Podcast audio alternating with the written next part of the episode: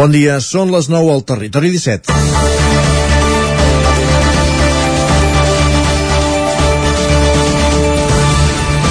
En un moment que l'emergència climàtica ja és un fet i aprofitant que dona la cimera de, la finestra que dona la cimera de Glasgow per aprofundir en maneres de fer-hi i front, avui ens fixem en l'experiència de la Sant Joanina Martina Ritchie. Aquesta setmana explicàvem al Territori 17 que era finalista en uns premis de la International Wineship Association i ves per on, ahir es va conèixer el veredicte i el seu és el projecte guanyador. Ritchie planteja la indústria nàutica que confia en les veles per al transport de mercaderies. No estem parlant només de les veles de l'ona que ens venen al cap quan pensem en aquest concepte, concepte, sinó també rotors verticals, uns cilindres gegants que giren en un i altre sentit i que interactuen amb el vent creant una força cap a un, altre, a un cantó o altre, o les veles rígides, com una ala d'un avió col·locada verticalment.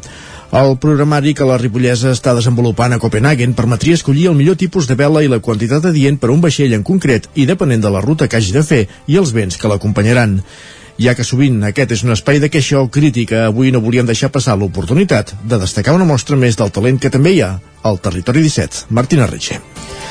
Amb els peus a terra comencem 3 hores de trajecte a la sintonia de la veu de Sant Joan, Ràdio Cardedeu, Ona Codinenca, Ràdio Vic, el 9 FM i el 9 TV. Territori 17, amb Isaac Moreno i Jordi Sunyer.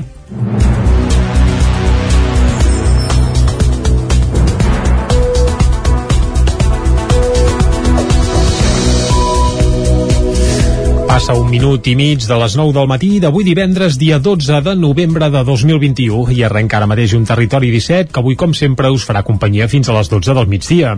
A la primera hora hi posarem informació, us acostarem tota l'actualitat de les nostres comarques. Després, a partir de les 10, actualitzarem butlletins informatius. Anirem avui, Isaac, cap a Torelló, oi?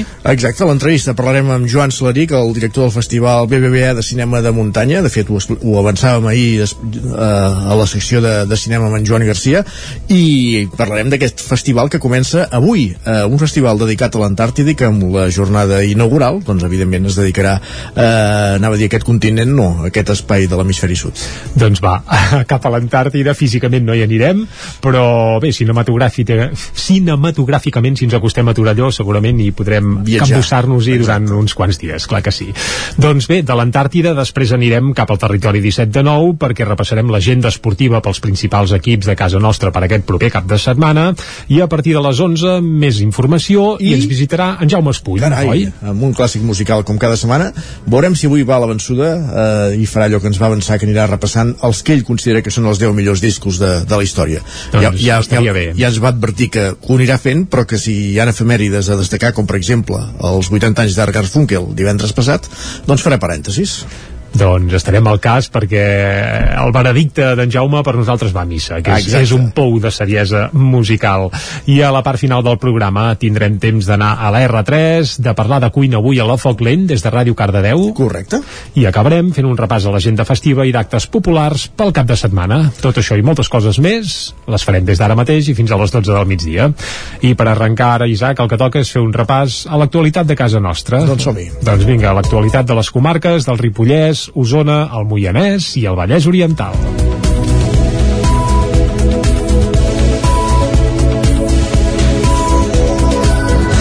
Els pressupostos de la Generalitat pel 2022 preveuen, preveuen invertir 73 milions i mig d'euros a les comarques centrals. D'aquests, 11,3 milions aniran a parar a Osona. En cas d'aprovar-se, la partida més important de 3 milions i mig d'euros aniria a parar a l'Hospital Universitari de Vic. La segona gran inversió a la comarca afectaria l'Institut de GURB. El conseller d'Economia, Jaume Giró, va presentar els comptes en un acte que es va fer dimarts al Parlament.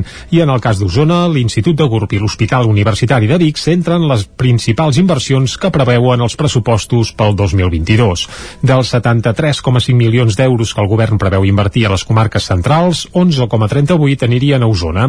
La partida més important, de 3 milions i mig d'euros, anirà a l'Hospital Universitari de Vic. Concretament, servirà per l'execució de les obres del nou, del nou laboratori, un equipament que ara es troba a la planta baixa de l'hospital i que es traslladaria a un nou edifici que s'aixecarà damunt d'Osona Salut Mental. També hi ha una part del pressupost que es destinarà a la reposició de maquinària i mobilitat domiciliari al mateix hospital. La segona gran inversió aniria a l'Institut de GURB amb 1,7 milions per a la construcció d'un nou edifici que permetria als alumnes abandonar els mòduls prefabricats on fan classes des de fa anys. El conseller d'Economia, Jaume Giró, va presentar els comptes en un acte que es va fer dimarts al Parlament. En total s'han pressupostat 38.139 milions d'euros, 5.618 més que en l'exercici anterior. Escoltem a Jaume Giró. Tant en xifres absolutes eh, com relatives són els pressupostos més grans i més ambiciosos que mai s'han presentat a Catalunya. Certament no són els millors que podríem tenir, però són, això sí, els millors que podem tenir avui per avui. Per tant, aquests pressupostos són els més grans i els millors que podem tenir ara mateix. D'aquestes dues premisses se'n treu una conclusió. El Parlament de Catalunya està en situació d'aprovar els millors pressupostos de la seva història. Giró, que va lliurar el projecte de pressupostos a la presidenta del Parlament, Laura Borràs, espera que els comptes s'aprovin abans d'acabar l'any. Espera fer-ho espera fer també amb el vot a favor de la CUP, que aquest cap de setmana consultarà la seva militància per saber si veta els pressupostos o no. El Consorci de Benestar Social del Ripollès ha comptabilitzat 119 casos de violència en el que portem d'any. D'aquests, 47 són nous. Isaac Muntades, des de la veu de Sant Joan. Estem parlant de violència masclista. Les víctimes de violència és un dels col·lectius que més preocupa el Consorci de Benestar Social del Ripollès i és que la seva directora, Elisabet Ortega, va explicar que s'havien produït 119 casos de violència masclista en la majoria de casos fins a l'octubre d'enguany. A més d'aquests casos de violència n'hi hauria 47 de nous i no serien de caràcter lleu. De fet, s'hi ha comptabilitzat l'homicidi de Ripoll del passat dia de Tots Sants a l'Avinguda Ripoll Ripollès, en què presumptament el jove de 19 anys, Gerard Passamontes, va matar a ganivetades la seva mare, Maria Isabel Carpio. Ortega va detallar algunes dades al ple del Consell d'Alcaldes i Alcaldesses d'aquest dimarts, que va donar el vistiplau per unanimitat al pressupost de l'ens social per a l'exercici 2022. Enguany, els comptes del Consorci pugen fins als 2,2 milions d'euros, una xifra que suposa un increment del 8,5% respecte als números del 2021. La directora de l'ENS va explicar que sobre la taula hi ha la possibilitat que la Generalitat de Catalunya incrementi en 70 milions d'euros algunes partides per tot el territori que beneficiarien el Consorci negoci, però encara no és segur. L'increment de costos ha recaigut sobre els ajuntaments, que ja han aportat un 9,4% més que l'any 2021, un total de 734.000 euros, una despesa per habitant d'uns 7 euros. La demanda també s'ha disparat passant de 1.593 nuclis atesos al 2020 a 2.062 enguany. Així ho explicava Ortega. En el que és l'atenció més bàsica que fem, tenim una mitja d'atenció per part de cada professional de 224 nuclis familiars. Això representa 38 més que l'any anterior. I el que està clar és que a partir de 150 ja pensem que no oferim la millor qualitat de servei. En quant a la, als ajuts que tenim destinats a les necessitats bàsiques, hem doblat la quantitat que eh, vam gastar el 2020. Ara hi ha molta més demanda d'atenció domiciliària i s'han incrementat les hores per ajudar sobretot a la gent gran que té més problemes d'autonomia i de dependència. El president del Consell, Ramon Roquer, va afirmar que ara la gent comença a trobar feina i la situació hauria de canviar. També va dir això. Totalment. Jo insisteixo molt en que se'ls ha de fer treballar. I, i n'hi ha molts que, que els estem donant oportunitats sí, i no estan treballant. I això sí que és intolerable. O sigui, hem de ser estrictes amb això. És dir, I sobretot un moment que es busca gent per treballar i hi ha empreses que busquen peons per treballar sí, sí. i no estan trobant gent per treballar. I en canvi tenim bosses importants de gent que diuen que busquen feina. -huh. No, vull dir que, que el Consorci ha d'incidir en això. Ortega va apuntar que una família que entra a la roda dels serveis socials costa molt que en surti perquè la pèrdua de capacitat econòmica va acompanyada d'una pèrdua d'autoestima. A Osona, alumnes dels instituts de Tona i Zaradell i de l'Escola Badruna de Tona van ser la presentació de la nova web del projecte Perfils. L'objectiu és que els joves de la Mancomunitat La Plana coneguin de primera mà el fenomen de la immigració. Al nou portal hi apareixen les 263 entrevistes que durant 12 anys 1.400 joves de la zona han fet a persones migrades. La història personal de la Lorena és una de les 263 que recull la nova web del projecte Perfils. En una entrevista enregistrada el curs passat, un grup d'alumnes de l'Institut de Taradell ha aprofundeix en la seva experiència migratòria. Fa 20 anys i en Prep Corralito va deixar el seu país natal, l'Argentina, per venir cap a Catalunya. Malgrat que la seva idea inicial era anar a Barcelona, es va acabar establint a Taradell. Escoltem a la Lorena. De la petita aptitud de cada un podem donar un cop de mà a molta gent que lo necessita i sobretot eh, sacar estereotipos y pensar que lo, lo único importante es que somos todos seres humanos y todos tenemos lugar en cualquier lugar del mundo. L'objectiu del projecte Perfils, que des de fa una dotzena d'anys involucra alumnes dels instituts de Tona i Taradell i de l'Escola Badruna de Tona, és que els joves de la Montcomunitat La Plana coneguin de primera mà el fenomen de la immigració. A banda de les entrevistes, on veïns de la zona comparteixen la seva experiència migratòria, durant el curs els alumnes participen en tallers i xerrades centrades en el fenomen migratori. Francesc Torres és el responsable del projecte Perfils. Xerrades teòriques en què poguéssim apropar-nos als conceptes del que era la immigració. Però també havíem de fer una, aproxima, una aproximació humana al que era la immigració.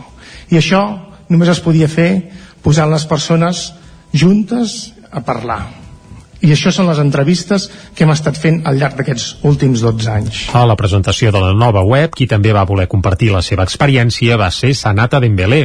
És la representant a la Direcció General de Migracions, Refugi i Antiracisme de la Generalitat i va agrair la tasca de la mancomunitat al capdavant d'un projecte que en el seu moment ell hauria agraït tenir a prop. Sanata Dembélé.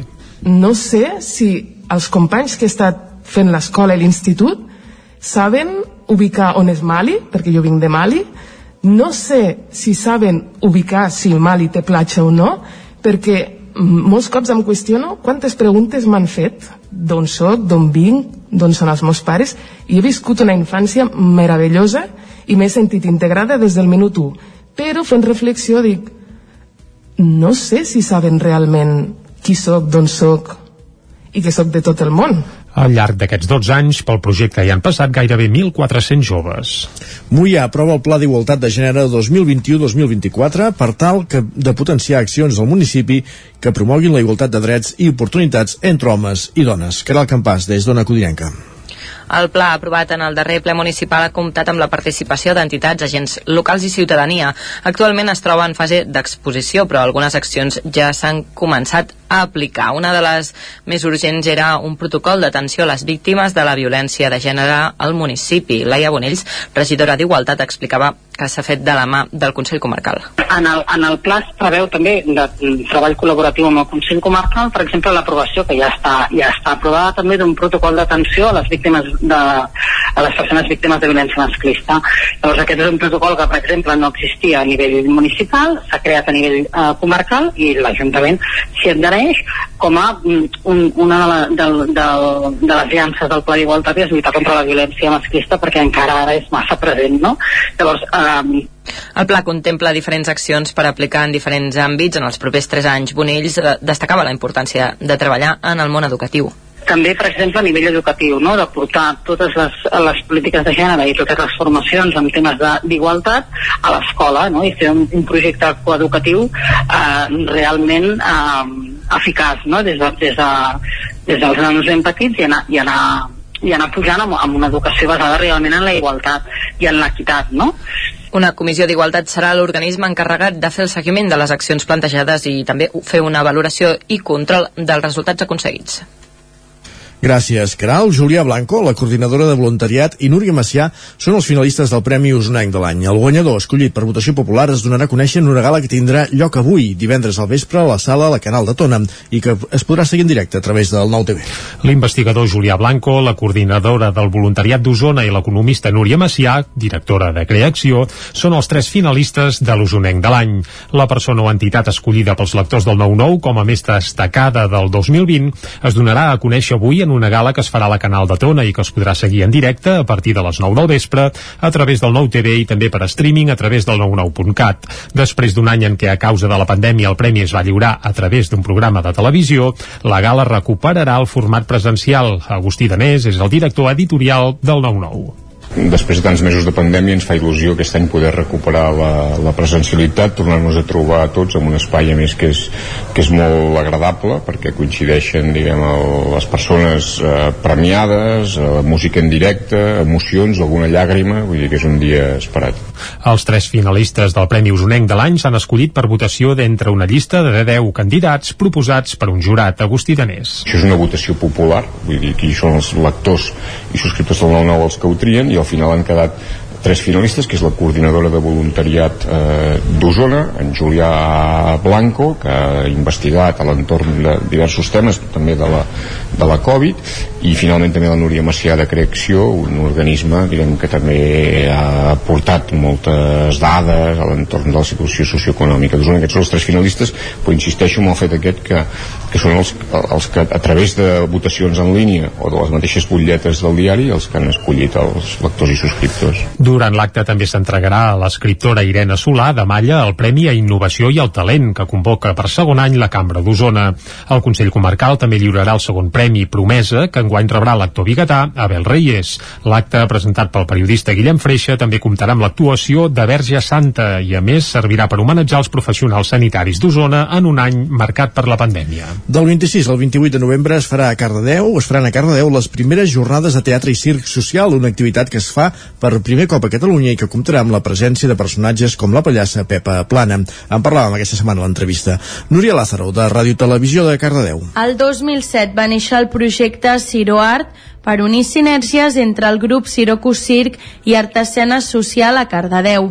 La idea de Ciroart és reivindicar el teatre i el circ social com a disciplines que poden actuar conjuntes per fer projectes d'intervenció social o de dinamització comunitària. Ara, per primera vegada a Catalunya, han creat les primeres jornades de teatre i circ social amb tallers i espectacles durant el 26, 27 i 28 de novembre. Sònia Ganza i Olga Vinyals, organitzadores de les jornades animar tothom perquè de veritat eh, no, és per, no és per professionals aquestes jornades, és perquè tothom ho disfruti, per això hi ha tallers de pallasses Pepa Plana i també hi ha els de circ i els de circ en família mm. i que la idea és que disfrutem tots d'aquestes dues disciplines que ens poden aportar tant, sigui a nivell doncs, d'intervenció doncs, social, com a vegades s'utilitzen, com a nivell personal per gaudir. I també animar-vos que us apunteu a la taula rodona perquè és una taula de debat que, en la que volem que participi tothom, tothom té coses a dir, tothom ha vist espectacles, tothom té alguna cosa a dir sobre el gènere uh, i, i pensem que és molt important en aquests moments amb tot el que està passant de poder seure i tots uh, tindre un moment de reflexió. Aquestes jornades volen ser un punt de trobada, reflexió i intercanvi d'experiències sobre les disciplines artístiques del teatre i circ social, tenint en compte la perspectiva de gènere i obertes a tots els públics. A artesanasocial.com podeu trobar la informació i fer la vostra inscripció a les diferents activitats, com el taller de pallasses a càrrec de Pepa Plana o les entrades de l'espectacle de circ i gènere Bridge al Teatre Auditori de Cardedeu. Gràcies, Núria. Acabem aquí aquest repàs informatiu que han fet des de les 9, també amb Jordi Sunyer, Caral Campàs i Isaac Muntades. Tot seguit anem per la previsió meteorològica. Per tant, és moment de saludar en Pep Acosta. Casa Terradellos us ofereix el temps. Un Pep Acosta que està content perquè ha plogut i a més també ens ha d'informar de com ho tenim de cara al cap de setmana. Bon dia, Pep. Hola, Hola. molt bon dia. Bona hora. Ja estem aquí. Oh, sí, l'espai del temps. Vinga. I avui estic bastant content. Alegria. Ahir eh, no em pensava que hi hagués tanta precipitació, sobretot cap a Osona, cap al Ripollès, cap al Pirineu, més de 50-60 litres en alguna zona. Això, por de joia, això és una molt bona notícia. Feia molt de temps que no teníem aquestes precipitacions. Uh, per fi, per fi, ahir va superar les meves expectatives. No em pensava que pogués tant i, ostres, és una molt bona notícia. Uh, ja veieu, eh, costa poc que estigui molt content i és que ahir va ser un, uh, per fi un dia de pluja uh, important en algunes zones. I estem a les portes un cap de setmana, un cap de setmana que a priori no sembla gaire important, no? Uh, ja a punt de les festes de Nadal, uh, sense cap pont, però bueno, vés a saber, eh, de vegades aquests dies uh, són els millors. I igual que quan surts de festa, que a vegades penses que serà un dia, un dissabte més, i es converteix en un gran dissabte, doncs vés a saber, a saber què passa aquest cap de setmana, de vegades, quants menys t'ho esperes, eh, les expectatives són baixes, eh, resulta ser una gran, un gran cap de setmana, o una gran nit, o una, una gran persona, vés a saber el que ens passa aquest cap de setmana, i bueno, a, a, això, estem a portes del cap de setmana, i sempre és més important la informació meteorològica. Avui al matí encara plou una mica, de fet aquesta nit han pogut dos, tres litres cap al Pirineu, eh, aquesta perturbació eh, no acaba de marxar, eh, Déu-n'hi-do, jo em pensava que seria menys activa, aquesta perturbació que han posat el nom de Blas, un, un, nom que m'encanta, el Blas, doncs aquesta perturbació ha sigut més activa que em pensava, ha fet mal cap a les Balears i per fi ha provocat pluges a gairebé tot Catalunya. Doncs avui encara ens portarà alguna mica de pluja, poca cosa, anirà marxant i a la tarda l'ambient ja serà molt més assolellat i amb moltes més clarianes. Les temperatures molt semblants a les d'ahir. No fa fred ni de bon tros, eh? repeteixo. Aquesta perturbació ens aporta vents marítims, vents que no són freds, vents que són eh, molt, molt agradables de temperatura, no fa fred ni de bon tros. Demà, demà dissabte, si algú fa plans al cap de setmana, demà serà el dia amb, amb més clarianes, amb més sol, amb, amb més tranquil·litat. Les temperatures pujaran, màximes de 8 i 9, 20 graus, i les mínimes seran una mica més baixes, entre el 0 i el 5, a la majoria de les nostres poblacions eh, de l'interior, entre 5 i 10, cap al prelitoral. Però demà això, eh, serà un dia molt, molt estable, amb molt de sol i amb temperatures força agradables al migdia, superiors als 15 graus la majoria de les màximes. I diumenge torna a bufar vents marítims, una altra vegada més humitat, una vegada més núvols i una altra vegada possibilitat de precipitacions, sobretot cap al prelitoral. Precipitacions que diumenge sí que crec que seran bastant testimonials, eh, inferiors als 5 litres a totes les zones, i unes pluges que no seran molt intenses ni de bon tros. Les temperatures diumenge també eh, bastant agradables, com deia, tornant a bufar vents marítims, no hi ha entrada vent de nord, no hi ha entrada vent de nord-est, eh, per tant no tindrem grans fredurades aquest cap de setmana. Les temperatures diumenge màximes entre 15 i 20, les mínimes entre 5 i 10 a la majoria de les nostres poblacions. I això és tot a disfrutar del cap de setmana, eh, anant molt de pressa i fent un resum molt de pressa. Avui encara una mica d'estabilitat, quatre gotes en algunes poblacions, cap al migdia de la tarda ja més clarianes. Demà, el dia més assolellat del cap de setmana, el dia que més activitats podeu fer, i diumenge torna els núvols i torna una mica les precipitacions, no que capogui tant com aquests últims dies, però ojalà ho fes, ojalà ho fes, i tot el cap de setmana les temperatures força suaus, cap fredurada i mínimes tampoc no molt fredes. A disfrutar el dia, a disfrutar el cap de setmana, adeu. Adéu. adéu.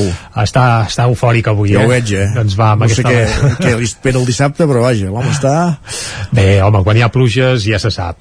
Uh, a les 10 tocades el tornarem a escoltar amb en Pep Acosta. Ara és el moment d'anar cap al quiosc. Casa Tarradellas us ha ofert aquest espai. I el quiosc ens hi esperen les portades dels diaris d'avui i era el cas de divendres, també les del 9-9, Jordi. Exacte, i comencem per aquí, pel 9-9, i arrencarem per Osona i el Ripollès, la portada vermella que titula Osona és de les comarques on la Generalitat preveu menys inversió per habitant. És la quarta per la cua, segons titula el 9-9. També apareix a la foto principal tres germanes que sumen 286 anys. Es tracta de, bé, la Concepció Illavac de, de Vic va fer 100 anys aquest dissabte, però és que resulta que té una germana petita de 95 i una altra més petita de 91 i les tres germanes no es retrobaven des d'abans de la pandèmia i, I ho van fer per aquesta foto i fan especial. la foto, eh? I tant, ostres, uh, les mires totes tres, dius quina és la que fa 100 anys, ni idea, perquè totes sembla que en tinguin 60 o 65 com a molt. Molt de goig. També a la portada del 9-9, uh, el primer seglar del Museu Episcopal de Vic. Què vol dir això de seglar? Doncs és el primer uh, director que tindrà el Museu Episcopal No que, no religiós. és, que no és religiós, que no és mossèn ras i curt. Es tracta d'Oriol Piques, que va ser presentat aquest dijous. Anem cap al Vallès Oriental. El Vallès Oriental vol ser pioner a abordar la diversitat religiosa als cementiris. Es busquen solucions per als diferents ritus d'enterrament dels vallesans. Aquest és el titular principal al 9-9 del Vallès Oriental. També xapó per les vinyes vallesanes i a la foto apareix Pep Pou, que és el soci fundador del celler Els Verdissots de Llinars, en una vinya concretament a Palou, en aquest cas a Granollers. També una foto a peu de pàgina per la Dolors Guillén i en Miquel Vila. Qui són? Doncs són els responsables del bar Baena de Canovelles que van guanyar el joc de cartes, en van parlar ahir en l'edició de, que es va fer aquesta setmana a TV3. Molt bé. Anem a les portades d'àmbit nacional. Comencem pel punt avui. pel punt avui que titula A un pas del judici. Qui és que està a un pas del judici? Doncs... El president, Tor- el conseller Torrent. Bé, Torrent i els altres membres de la mesa del Parlament, del Parlament anterior, entre Correcte. ells Pep Costa, que avui serà uh, a l'Ibona Lletra, aquí al Nou TV, per exemple, doncs uh, seran jutjats per desobediència al Tribunal uh, Constitucional. Sembla que això està al caure. La fotografia és per, uh, bé, per ahir al Congrés espanyol i diuen Podem s'empassa la votació del Tribunal Constitucional. I també la CUP admet Però va, avanços... va haver-hi díscols, no, amb aquesta votació? Sí, ah. uh, de Podem i també algun socialista, socialista, per exemple algun exalcalde Sebastià. de Donosti. Bé, la CUP també admet avanços, però encara veu lluny aprovar el pressupost. Aquest cap de setmana hi ha una d'aquelles mítiques trobades de la militància de la CUP, aviam què decideixen fer amb els pressupostos de la Generalitat. Ràpidament, cap a l'ara, 10 diputats trenquen la disciplina de vot en l'aval als canvis al Tribunal Constitu Constitucional, com bé deies, ahir va haver caliu al Congrés espanyol, i la fotografia principal de l'ara és per la crisi eh, amb la migració, en aquest cas a Polònia i Bielorússia. Primer fa servir els migrants i ara amenaça amb tallar el gas, en aquest cas el, exacte, el president bielorrus. Més portades, anem cap al periòdico. Europa rebaixa l'optimisme econòmic. I el crit de la generació Greta, en aquest cas eh, parlen de, bé, a un grup de joves presents a Glasgow que, ram, que reclamen que les seves veus siguin escoltades en els debats de la cimera pel canvi climàtic, una cimera que s'acaba d'aquí un parell de dies ja, i de moment sembla que el més calent és a l'aigüera. A l'avantguàrdia, el vot de diputats rebels menyscava la renovació del Tribunal Constitucional, això titulen l'avantguàrdia, la foto també és per la crisi migratòria. A Europa i ràpidament, amb un minutet, repassarem les portades eh, que s'editen des de Madrid. El País, el Congrés, fa eh, oïdos sordos i, i porta Arnaldo Otegui al Constitucional, això titulen eh, no, no Arnaldo Otegui, sinó Arnaldo al Constitucional, és a dir Uh, vaja, aquell diputat que no volia votar a ningú però que alguns no el van votar, alguns sí és a dir, una, uh, una proposta del PP que va ser bé, uh, això, hi va haver polèmica, ras i curt. El Mundo, PSOE i PP sotmeten al Congrés al vot xorno per renovar el Tribunal Constitucional. En la mateixa tònica, l'ABC Brussel·les no es creu les xifres de Sánchez, de Pedro Sánchez. Això a l'hora de repartir els fons europeus per sortir de la Covid i a la Razón, el pacte sobre el Consell General del Poder Judicial es troba en punt mort. Això Tres apunten minuts al titular de la i tornem. Vinga. El nou FM, la ràdio de casa, al 92.8. Amb Pradell estalvio energia i cuido la meva butxaca i el medi ambient. Posa't en mans a Pradell, són experts en calderes de gas i condensació, estufes de pèl·let, energia solar, terres radiants i geotèrmia. Pradell instal·la calderes de biomassa per a particulars i per a empreses. Si vols estalviar un 50% en consum, contacta amb Pradell i passa't a les energies renovables. Pradell, som a l'Avinguda Països Catalans 27 de Vic. Telèfon 93 885 1197. Pradell.cat. Vine a Autoscola Montseny. Ara és el moment de fer els cursos de teòrica intensius, ràpid i eficaç. T'informarem dels PACs, permís de moto de 16 i 18 anys i permís de cotxe. I si vens a veure'ns, tindràs un obsequi. Apunta't i no t'ho pensis més. Per més informació, Autoscola Montseny, Rambla de Vallades, número 13 de Vic. Busca'ns a Instagram i Facebook. Això és el que s'escolta al voltant d'una caldera saunia d'Oval. Tranquilitat i benestar, perquè gaudeix del millor manteniment del servei tècnic oficial per estar despreocupat. O el que vulgui. Informis a Oficiat Nord trucant al 938860040. Saunia d'Oval, sempre al seu costat. Rètols 2A. Experts en comunicació visual. Rètols, banderoles, vinils, impressió, plaques gravades, senyalització, display... Rètols Dos Art. Ja són 25 anys al vostre servei. Ens trobareu a la carretera de Vic a Olot, número 7, al polígon Malloles de Vic. dosartvic.com Telèfon 93 889 2588. El racó de León. Gaudeix de la nostra terrassa. Vine a tastar les xuletilles de lechal a la brasa amb una bona amanida o el xuletón de vedella gallega. No et pots perdre el nostre lechado de Castilla al forn o el cochinillo a l'estil de Segovia. Tot acompanyat del millor celler, al menjador o fora la terrassa. Descobreix la millor cuina de Lleó sense moure't de casa. Vine amb la família, els amics, la parella o sol. T'encantarà. El racó de León, cuina tradicional lleonesa i de mercat. Som al carrer Torelló número 35 de Vic. Per reserves, telèfon 93 889 1950. El racó de León, una cuina diferent. Som especialistes en cargols a la llauna. Vine a tastar-los al racó de León. Impremta Mater, el servei de particulars i empreses. Fem catàlegs, llibres, papereria corporativa, targetes, fulletons i també venem material d'oficina i escriptori, bolígrafs, arxivadors, grapadores, llibretes i molt més. Mater Impressors des de 1957. Impremta Mater. Ens trobaràs a la carretera de Sant Hipòlit, número 23 de Vic i a la impremtamater.com. Ara mateix en punt, dos quarts de deu. Territori 17, amb Isaac Moreno i Jordi Sunyer.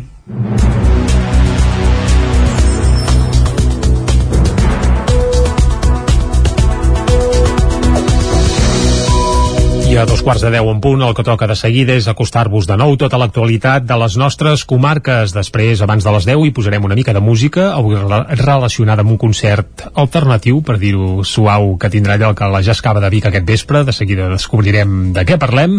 I després, a la segona hora, Isaac, avui anirem a parlar de cinema a Torelló, eh? Correcte, parlarem amb en Joan Salaric, el director del Festival BBVA de Cinema de Muntanya de Torelló, que comença avui i s'allarga durant 10 dies. Molt bé, més coses que farem. Parlarem de l'agenda esportiva del cap de setmana pels principals equips del nostre territori, això abans d'arribar a les 11, i a partir de les 11 més informació i ens visitarà en Jaume Espuny. Clàssics musicals, veurem avui què ens depara, quina joia de la seva discografia ens comparteix avui. I a la part final del programa serà l'hora d'anar a la R3, a la Trenc d'Alba, també parlarem de gastronomia, avui des de Ràdio Cardedeu, i acabarem fent un repàs a l'agenda d'actes festius i populars pel cap de setmana. Tot això i moltes coses més des d'ara i fins a les 12 del migdia. I el que toca ara mateix és acostar-vos de nou la informació de casa nostra i de casa vostra, la de les comarques del Ripollès, Osona, el Moianès i el Vallès Oriental. Els pressupostos de la Generalitat pel 2022 preveuen invertir 73 milions i mig d'euros a les comarques centrals. D'aquests, 11,3 anirien a parar a Osona. En cas d'aprovar-se, la partida més important de 3 milions i mig d'euros aniria a parar a l'Hospital Universitari de Vic. La segona gran inversió a la comarca afectaria l'Institut de Gurb. El conseller d'Economia, Jaume Giró, va presentar els comptes en un acte que es va fer dimarts al Parlament. I en el cas d'Osona, l'Institut de Gurb i l'Hospital Universitari de Vic centren les principals inversions que preveuen els pressupostos pel 2022 Dels 73,5 milions d'euros que el govern vol invertir a les comarques centrals, 11,38 anirien a Osona. La partida més important, de 3 milions i mig d'euros, seria per l'Hospital Universitari de Vic, concretament per l'execució de les obres del nou labora laboratori, un equipament que ara es troba a la planta baixa de l'hospital i que aniria a un nou edifici que s'aixecaria damunt d'Osona Salut Mental. També hi ha una part del pressupost que aniria per la reposició de maquinària i mobiliari de l'hospital. La segona gran inversió seria per l'Institut de GURB amb 1,7 milions d'euros per a la construcció d'un nou edifici que permetria als alumnes abandonar els mòduls prefabricats on fan classes des de fa anys. El conseller Jaume Giró va presentar els comptes en un acte que es va fer dimarts al Parlament. En total s'han pressupostat 38.139 milions d'euros, 5.618 més que en l'exercici anterior. Jaume Giró. Tant en xifres absolutes eh, com relatives són els pressupostos més grans i més ambiciosos que mai s'han presentat a Catalunya. Certament no són els millors que podríem tenir, però són, això sí, els millors que podem tenir avui per avui. Per tant, aquests pressupostos són els més grans i els millors que podem tenir ara mateix. D'aquestes dues premisses se'n treu una conclusió. El Parlament de Catalunya està en situació d'aprovar els millors pressupostos de la seva història. Giró, Giró, que va lliurar el projecte de pressupostos a la presidenta del Parlament, Laura Borràs, espera que els comptes s'aprovin abans d'acabar l'any i espera fer-ho també amb el vot a favor de la CUP, que aquest cap de setmana consultarà la seva militància per saber si veta els pressupostos o no. El Consorci de Benestar Social del Ripollès ha comptabilitzat 119 casos de violència en el que portem d'any. D'aquests, 47 són nous. Isaac Muntades, des de la veu de Sant Joan. Les víctimes de violència és un dels col·lectius que més preocupa el Consorci de Benestar Social del Ripollès i és que la seva directora, Elisabet Ortega, va explicar que s'havien produït 119 casos de violència masclista en la majoria de casos fins a l'octubre d'enguany. A més d'aquests casos de violència n'hi hauria 47 de nous i no serien de caràcter lleu. De fet, s'hi ha comptabilitzat l'homicidi de Ripoll del passat dia de Tots Sants a l'Avinguda Ripollès, en què presumptament el jove de 19 anys, Gerard Passamontes, va matar a ganivetades la seva mare Maria Isabel Carpio. Ortega va detallar algunes dades al ple del Consell d'Alcaldes i Alcaldesses d'aquest dimarts que va donar el vistiplau per unanimitat al pressupost de l'ens social per a l'exercici 2022. Enguany els comptes del Consorci pugen fins als 2,2 milions d'euros euros, una xifra que suposa un increment del 8,5% respecte als números del 2021. La directora de l'ENS va explicar que sobre la taula hi ha la possibilitat que la Generalitat de Catalunya incrementi en 70 milions d'euros algunes partides per tot el territori que beneficiarien el Consorci, però encara no és segur. L'increment de costos ha recaigut sobre els ajuntaments, que ja han aportat un 9,4% més que l'any 2021, un total de 734.000 euros, una despesa per habitant d'uns 7 euros. La demanda també s'ha disparat passant de 1.593 nuclis atesos al 2020 a 2.062 enguany. Així ho explicava Ortega. En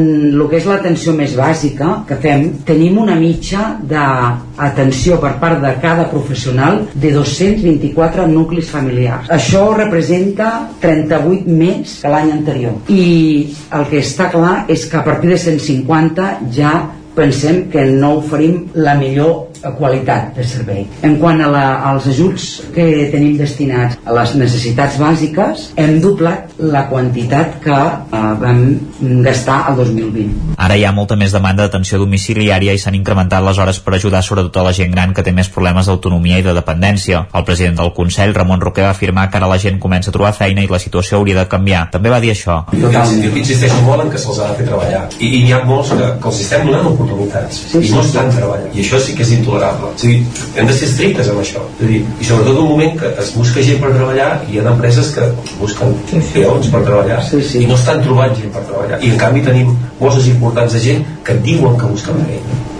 No, vull dir que, que el Consorci ha d'incidir en això. Ortega va apuntar que una família que entra a la roda dels serveis socials costa molt que en surti perquè la pèrdua de capacitat econòmica va acompanyada d'una pèrdua d'autoestima. Gràcies, Isaac. Més qüestions. Alumnes dels instituts de Tona i Tradell i de l'Escola Badruna de Tona van ser a la presentació de la nova web del projecte Perfils de la Mancomunitat La Plana. L'objectiu és que els joves coneguin de primera mà el fenomen de la immigració. Al nou portal hi apareixen les 263 entrevistes que durant 12 anys 1.400 joves de la zona han fet a persones migrades. La història personal de la Lorena és una de les 263 que recull la nova web del projecte Perfils. En una entrevista enregistrada el curs passat, un grup d'alumnes de l'Institut de Taradell aprofundeix en la seva experiència migratòria. Fa 20 anys i en ple Corralito va deixar el seu país natal, l'Argentina, per venir a Catalunya. Tot i que la seva idea inicial era anar a Barcelona, es va acabar establint a Taradell. Escoltem la Lorena. De la petita aptitud de cada un podem donar un cop de mà a molta que lo necessita i sobretot eh, sacar estereotipos y pensar que lo, lo único importante es que somos todos seres humanos y todos tenemos lugar en cualquier lugar del mundo. L'objectiu del projecte Perfils, que des de fa 12 anys involucra alumnes dels instituts de Tona i Taradell i de l'Escola Badruna també de Tona, és que els joves de la Mancomunitat La Plana coneguin de primera mà el fenomen de la immigració. A banda de les entrevistes, on veïns de la zona comparteixen la seva experiència, durant el curs els alumnes participen en tallers i xerrades centrades en el fenomen migratori. Francesc Torres és el responsable del projecte Perfils. Xerrades teòriques en què poguéssim apropar-nos als conceptes del que era la immigració. Però també havíem de fer una, aproxima, una aproximació humana al que era la immigració. I això només es podia fer posant les persones juntes a parlar i això són les entrevistes que hem estat fent al llarg d'aquests últims 12 anys. A la presentació de la nova web, qui també va voler compartir la seva experiència va ser Sanata Dembélé. És la representant a la Direcció General de Migracions, Refugi i Antiracisme de la Generalitat i va agrair la tasca de la Mancomunitat al capdavant d'un projecte que en el seu moment ell hauria agraït tenir a prop. Sanata Dembélé. No sé si els companys que he estat fent l'escola i l'institut saben ubicar on és Mali, perquè jo vinc de Mali, no sé si saben ubicar si Mali té platja o no, perquè molts cops em qüestiono quantes preguntes m'han fet d'on sóc, d'on vinc, d'on són els meus pares, i he viscut una infància meravellosa i m'he sentit integrada des del minut 1. Però fent reflexió dic, no sé si saben realment qui sóc, d'on sóc i que sóc de tot el món. Al llarg d'aquests 12 anys pel projecte hi han passat gairebé 1.400 joves. Els dies 26, 27 i 28 de novembre es faran a Cardeu les primeres jornades de teatre i circ social, una activitat que es fa per primer cop a Catalunya i que comptarà amb la presència de personatges com la pallassa Pepa Plana. Núria Lázaro, de Ràdio Televisió de Cardeu. El 2007 va néixer el projecte Ciroart per unir sinergies entre el grup Siroco Circ i Artesena Social a Cardedeu. La idea de Ciroart és reivindicar el teatre i el circ social com a disciplines que poden actuar conjuntes per fer projectes d'intervenció social o de dinamització comunitària. Ara, per primera vegada a Catalunya, han creat les primeres jornades de teatre i circ social amb tallers i espectacles durant el 26, 27 i 28 de novembre. Sònia Ganza i Olga Vinyals, organitzadores de les jornades animar tothom perquè de veritat eh, no, és per, no és per professionals aquestes jornades, és perquè tothom ho disfruti, per això hi ha tallers de pallasses Pepa Plana i també hi ha els de circ i els de circ en família mm. i que la idea és que disfrutem tots d'aquestes dues disciplines que ens poden aportar tant, sigui a nivell doncs, d'intervenció doncs, social, com a vegades s'utilitzen, com a nivell personal per gaudir. I també animar-vos que us apunteu a la taula rodona perquè és una taula de debat que, en la que volem que participi tothom, tothom té coses a dir, tothom ha vist espectacles, tothom té alguna cosa a dir sobre el gènere uh, i, i pensem que és molt important en aquests moments amb tot el que està passant de poder seure i tots uh, tindre un moment de reflexió. Aquestes jornades volen ser un punt de trobada, reflexió i intercanvi d'experiències sobre les disciplines artístiques del teatre i circ social, tenint en compte la perspectiva de gènere i obertes a tots els públics. A artesanasocial.com podeu trobar la informació i fer la vostra inscripció a les diferents activitats, com el taller de pallasses a càrrec de Pepa Plana o les entrades de l'espectacle de circ i gènere Bridge al Teatre Auditori de Cardedeu. Moia aprova el Pla d'Igualtat de Gènere 21-24 per tal de potenciar accions al poble i que promoguin la igualtat de drets i oportunitats entre homes i dones. Caral Campàs, des d'Ona Codinenca. El pla aprovat en el darrer ple municipal ha comptat amb la participació d'entitats, agents locals i ciutadania. Actualment es troba en fase d'exposició, però algunes accions ja s'han començat a aplicar. Una de les més urgents era aplicar un protocol d'atenció a les víctimes de violència de gènere al municipi. Laia Bonells, regidora d'Igualtat, explicava que s'ha fet de la mà del Consell Comarcal. En el, en el pla es preveu també de, de treball col·laboratiu amb el Consell Comarcal, per exemple, l'aprovació, que ja està, ja està aprovada també d'un protocol d'atenció a les víctimes de, a les persones víctimes de violència masclista. Llavors aquest és un protocol que, per exemple, no existia a nivell municipal, s'ha creat a nivell eh, comarcal i l'Ajuntament s'hi adhereix com a mm, un, una de, la, de, de, de les llances del Pla d'Igualtat és lluitar contra la violència masclista perquè encara ara és massa present, no? El pla contempla diferents accions per aplicar en diferents àmbits durant els propers tres anys. Bonells destacava la importància de treballar en el món educatiu. També, per exemple, a nivell educatiu, no? de portar totes les, les polítiques de gènere i totes les formacions en temes d'igualtat a l'escola no? i fer un, un projecte coeducatiu eh, realment eh, eficaç no? des, de, des, de, des dels nanos ben petits i anar, i anar i anar pujant amb, amb una educació basada realment en la igualtat i en l'equitat, no? Una comissió d'igualtat serà l'organisme encarregat de fer el seguiment de les accions plantejades i fer una valoració i control dels resultats aconseguits. Júlia Blanco, la coordinadora del voluntariat i Núria Macià són els finalistes del Premi Usonenc de l'any. El guanyador escollit per votació popular es donarà a conèixer en una gala que tindrà lloc avui al vespre a la sala La Canal de Tona i que es podrà seguir en directe a través del Nou TV. L'investigador Julià Blanco, la coordinadora del voluntariat d'Osona i l'economista Núria Macià són els tres finalistes de l'Usonenc de l'any. La persona o entitat escollida pels lectors del 9-9 com a més destacada del 2020 es donarà a conèixer avui en una gala que es farà a la Canal de Tona i que es podrà seguir en directe directe a partir de les 9 del vespre al Nou TV i també per streaming a través del 99.cat. Després d'un any en què a causa de la pandèmia el premi es va lliurar a través d'un programa de televisió, la gala recupera el format presencial. Agustí Danés és el director editorial del grup El 99. Després de tants mesos de pandèmia ens fa il·lusió aquest any poder recuperar la, la presencialitat, tornar-nos a trobar tots en un espai a més que és, que és molt agradable perquè coincideixen diguem, el, les persones eh, premiades, eh, música en directe, emocions, alguna llàgrima, vull dir que és un dia esperat. Durant l'acte també s'entregarà a l'escriptora Irene Solà de Malla el Premi a la Innovació i el Talent que convoca per segon any la Cambra de Comerç d'Osona. El Consell Comarcal també lliurarà el segon Premi Promesa, que serà per l'actor biguetà Abel Reyes. L'acte, presentat pel periodista Guillem Freixa, comptarà també amb l'actuació de Verge Santa i servirà per homenatjar els professionals sanitaris d'Osona en un any marcat per la pandèmia. I arribats a aquest punt, acabem aquest repàs informatiu, moment de conèixer la previsió meteorològica.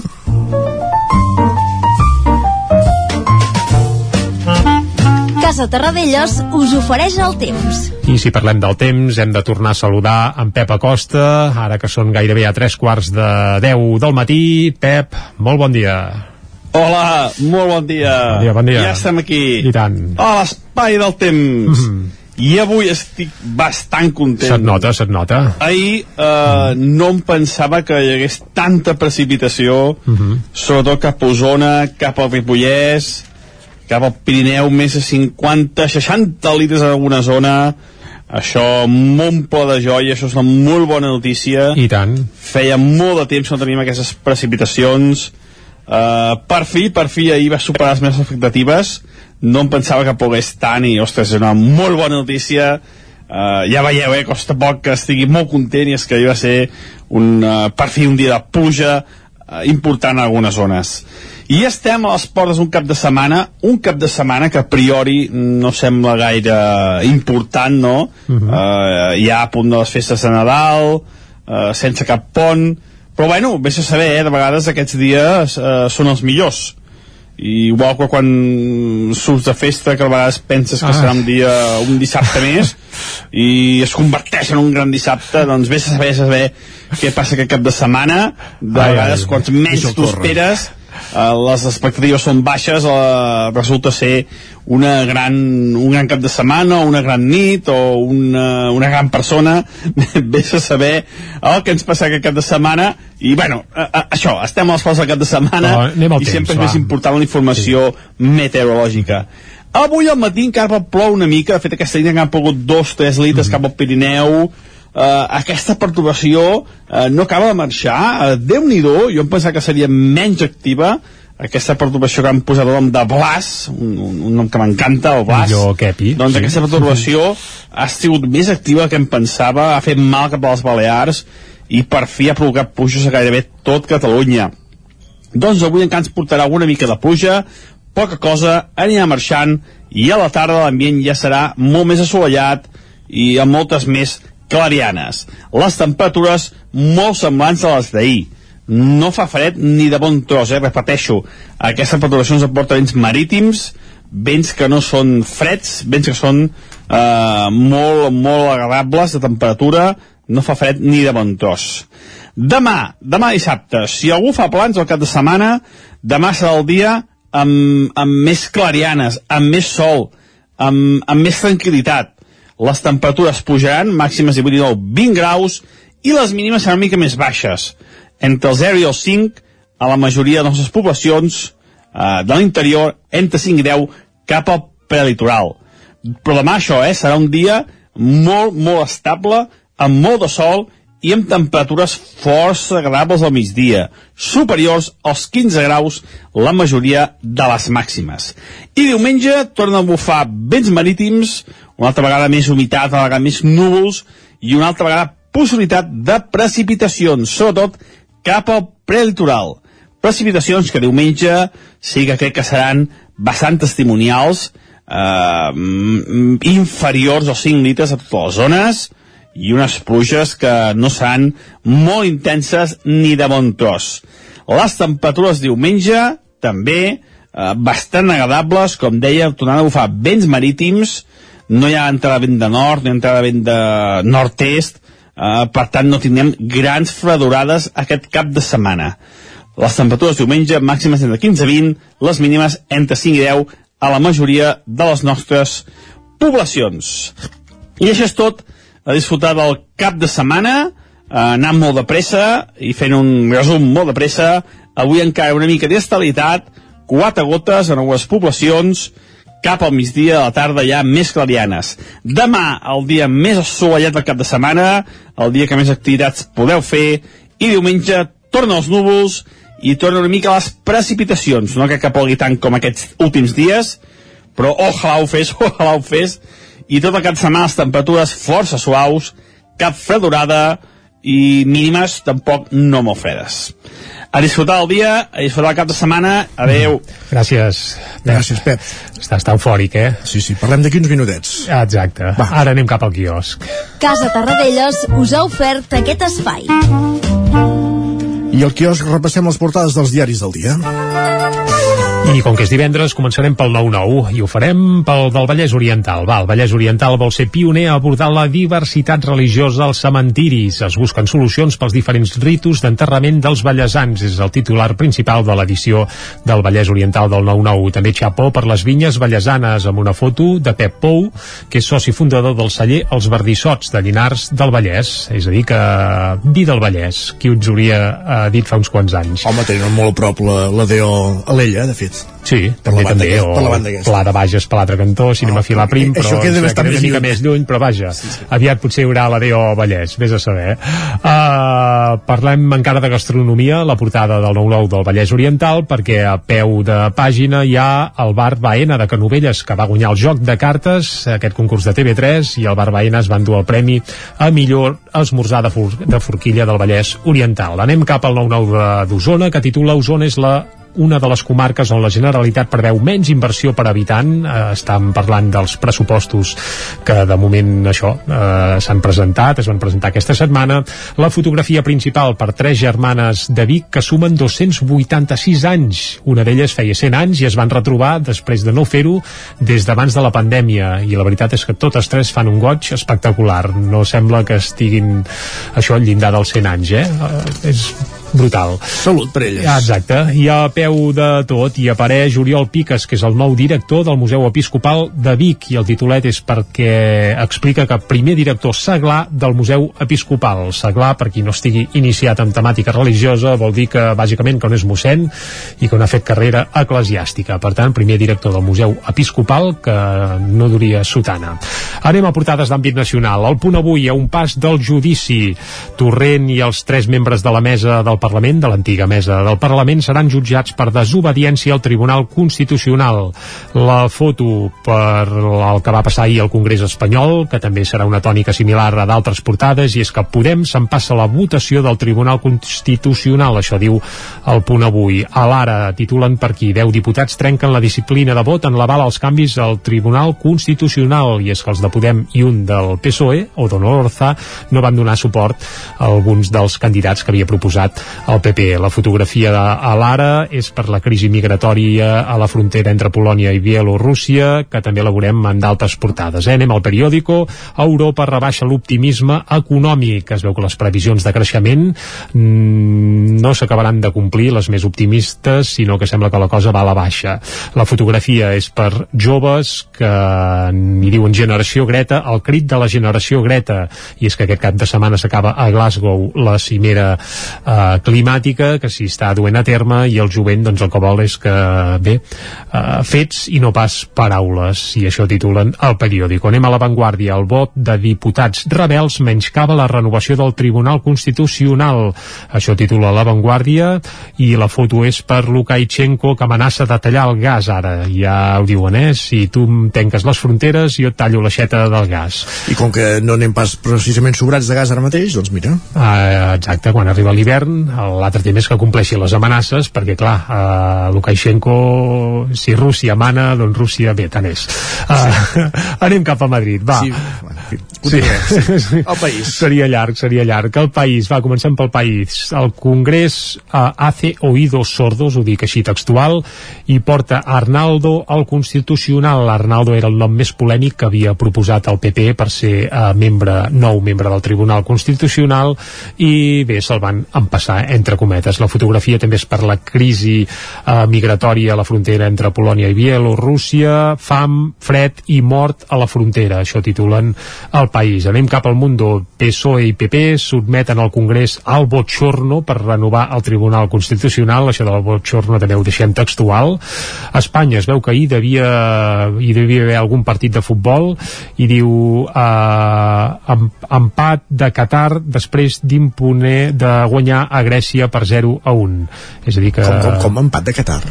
Espanya, a un empate... Ah, val, a un empat de Qatar. Ah, és que, ostres, no estem gaire situats en temàtica futbolística de seleccions eh, estatals, eh? Val, Espanya, amb va, un empat... Va guanyar, va guanyar Grècia. Ah, exacte, va guanyar 0-1 i amb un empat ja en tindria prou per uh, anar al Mundial de Qatar, que s'ha de fer no sé pas quan.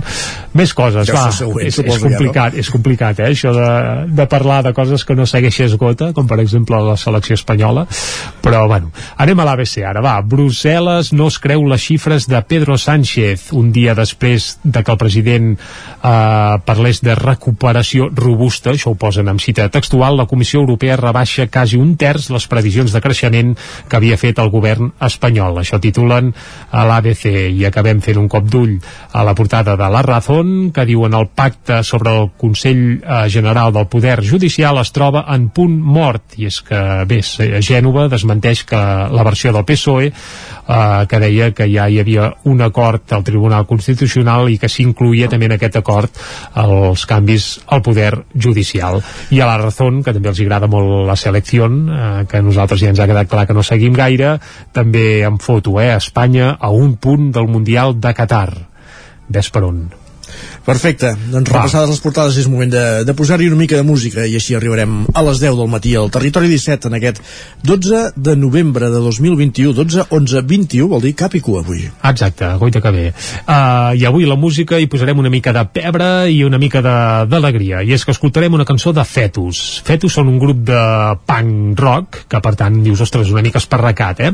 però resulta que, que han fet un invent espectacular i que té molta relació amb el Territori 17 17, perquè una de les principals patums musicals del nostre territori, evidentment, és Jaume Arnella, uh mhm. -huh. de Santa Eulàlia de Ronçana, Jaume Arnella, que és l'últim juglar viu que queda als països catalans, potser, i bé, el que han fet els fetus és versionar cançons d'en Jaume Arnella i passar-les una mica pels seus sedars, i a més ho han fet amb la complicitat i la companyia del mateix Jaume Arnella, eh? per tant, algunes cançons de tota la vida de, de l'Arnella, doncs ara sonen una mica més esparracades, passades passades pels sedars de fetus i dius per què escoltem aquesta cançó o per què posarem això avui?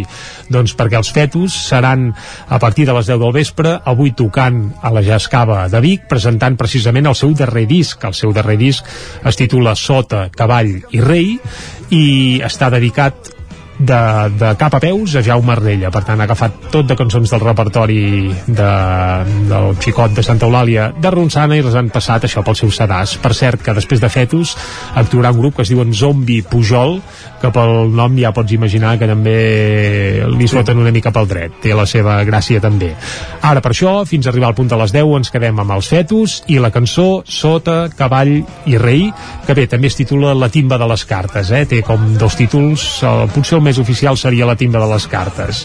L'escoltem? Som-hi. Doncs va, una mica d'alegria. Vinga, fins a les 10.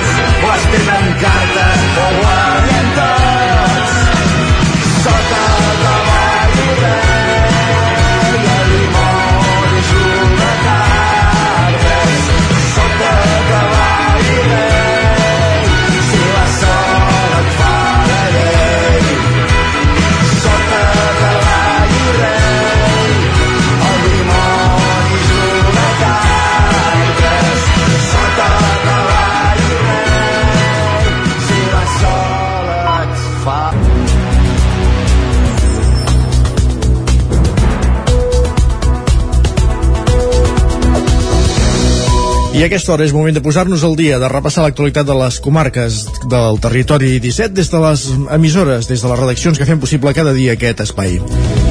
És a dir, des d'Ona Codinenca, des de la veu de Sant Joan, Ràdio Cardedeu, Ràdio Vic, el 9 FM i el 9 TV. Els ramaders de la llet continuen la seva croada per cobrar un preu just. A principis d'aquest mes de novembre vencia el contracte que la cooperativa Plana de Vic i Vaquers d'Osona tenien amb Leche Pasqual, a qui lliuren 250.000 litres de llet cada setmana. De moment, la llet arriba puntual cada dia a la factoria de Gurb, però ho fa amb un contracte caducat i a un preu que els ramaders asseguren que fa inviable el futur de les seves explotacions. El contracte especificava pagar el litre de llet a 0,335 euros, quan el cost de producció, segons els ramaders, és ara de 0,39 euros. Tenint en compte que hi ha un reial decret de 19 de gener que impedeix comprar llet per sota del preu de cost, la cooperativa Plana de Vic i Vaquers d'Osona han intentat negociar sense sort el preu a l'alça amb Calidat Pasqual. Després de les mobilitzacions que es van fer fa unes setmanes, semblava que la situació podria millorar, però de moment no hi ha hagut resposta per part de Pasqual, que continua recepcionant la llet a 0,335 euros. Daniel Bassas és el gerent de la cooperativa Plana de Vic. Ens trobem una situació en què tot i que va haver-hi unes semblava que hi haguessin una pujada als, als preus que si bé no era suficient però almenys hi havia una actitud tant d'industrials com a distribuïdors la cosa s'ha aturat. S'ha aturat on en un moment on els preus de matèries primeres estan pujant moltíssim els costos dels subministres també per tant encara és més difícil per al ramader poder sobreviure. Nosaltres per posar-hi números eh, podríem dir que actualment amb la pujada de preus estaríem amb, una, amb uns costos de producció de 39 cèntims. Consultats per al 9-9 des de Pasqual admeten que estan en converses amb les dues cooperatives amb la voluntat de trobar la postura idònia per les dues parts, ja que són, segons Pasqual, proveïdors de referència. De moment, però, els ramaders segueixen portant la llet a la planta de GURB sense contracte en vigor i això desanima un sector on ja hi ha hagut baixes. Ho detalla Daniel Bassas. La incertesa encara va és més gran i això acompanya que um, en aquestes últimes setmanes hi hagin ja dos abandonaments dels nostres ramaders. De les tres explotacions que aquest any deixaran de treballar en Plana de Vic i Vaquers d'Osona, dues han tirat ja la tovallola i la tercera vendrà directament a Pasqual. Actualment, Plana de Vic i Vaquers d'Osona treballen amb 40 explotacions de llet. Un terç de la producció és per Pasqual, la resta es ven a Mercadona, Cacaulat i a d'altres petits operadors. Els Mossos d'Esquadra van confirmar ahir que encara no hi ha cap persona detinguda en relació a l'incendi del bar de les piscines de Sant Quirze de Besora, que va deixar calcinat l'interior local la matinada de dimecres. La investigació del cas, però, encara continua oberta i els Mossos treballen amb la hipòtesi que es tracta d'un incendi intencionat. El foc al bar Les Piscines va tenir lloc dimecres a les dues de la matinada a l'establiment del carrer Mestre Querra en una planta baixa. Allà s'hi van desplaçar tres dotacions dels bombers que van donar per apagar l'incendi al cap de 20 minuts sense que s'hagués de lamentar cap ferit. Ara bé, els danys materials van ser considerables. En declaracions al 9-9, l'encarregada del bar explicava que no es pot aprofitar res del que hi ha dins i que l'incendi els obliga a tenir el negoci tancat i a tornar a començar de zero, ja que han perdut tot el que hi havien invertit. Quan hi van arribar es van trobar les persianes forçades i la màquina enregistradora desfeta pel foc, igual que el quadre de llums o els llums d'emergència. L'immoble és propietat de l'Ajuntament de Sant Quirze de Besora i havia estat objecte d'una reforma per valor de 50.000 euros fa un parell d'anys. L'alcalde de Sant Quirze, David Solà, reclama als Mossos que puguin activar més patrulles de vigilància per evitar fets delictius com aquest. Últimament s'han registrat robatoris en diversos establiments de municipis veïns que, com Sant Quirze, no tenen vigilant nocturn. Cardedeu ha inaugurat una nova residència d'avis, de fet la primera del poble. Està ubicada a l'antic Xurín, l'hotel del poble per on hi van passar molts els cardedeuencs i cardedeuenques durant els anys 60 i 70. Núria Lázaro, de Ràdio Televisió de Cardedeu. Residència Antúrium és el nom de la nova residència per gent gran a Cardedeu una residència privada que es troba a l'antic hotel del poble, un hotel per on hi van passar molts dels cardedeuencs que van emigrar del seu poble d'origen i van buscar una nova vida a Cardedeu. L'Antúrium dona ara asil a sis usuaris i totes les treballadores del centre estan a 40 hores en jornada completa per poder estar més implicades i formar part dels projectes amb continuïtat. Eva Antolin, directora de la residència Antúrium. Tenim dues filosofies aquí. Una és la ACP, que és atenció centrada en la persona, per tant ens centrem molt en els gustos i preferències de cada persona una, es pot fer a través de la història de vida es pot anar fent una mica amb la situació de cadascú i I l'altra filosofia és l'Snowcell, que és treballar amb sentit a través dels sentits.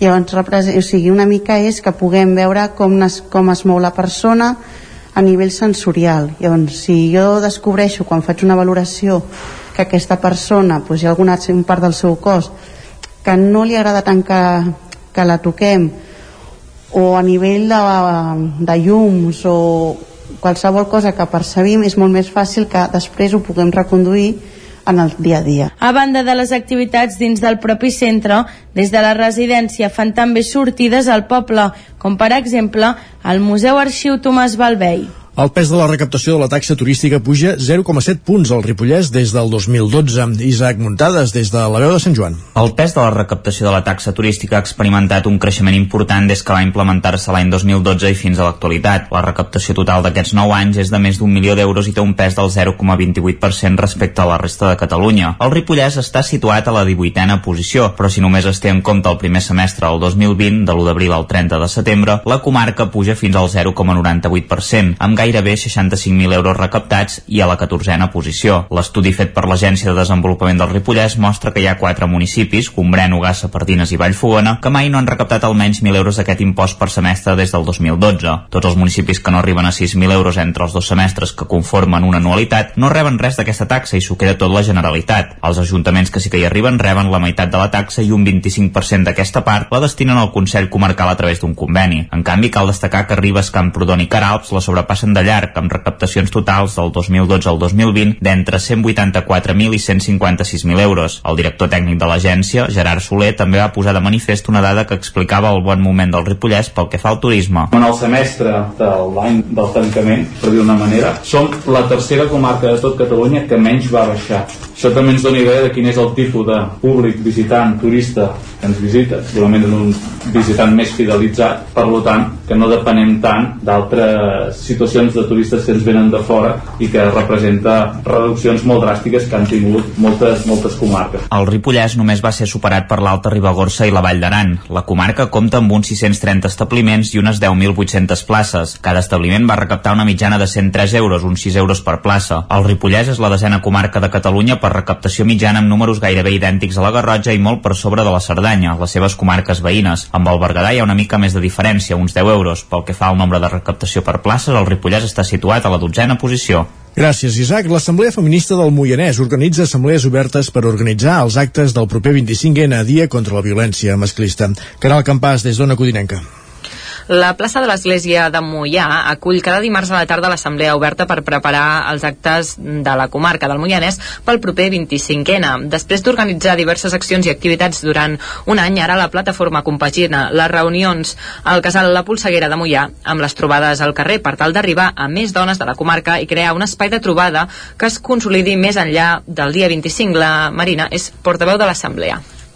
Vale, doncs la idea és que una mica amb el context actual d'augment de la violència masclista doncs poder generar un espai organitzatiu de, de dones que vagi més enllà del col·lectiu feminista perquè així tinguin el propi espai on poder-se organitzar totes i generar com un espai d'autodefensa feminista o sigui, com he dit, més enllà de, del propi col·lectiu que, que funciona i que ens reunim setmanalment doncs oberta a totes les dones Ara fa un any el col·lectiu va començar a organitzar-se precisament amb els actes del 25N. La Marina explicava que volen repetir la mobilització aconseguida l'any passat. I això és una cosa que vam fer l'any passat, va ser molt guai perquè es van implicar moltes dones i ho vam preparar entre totes i creiem que és una oportunitat per unir més persones a la nostra lluita.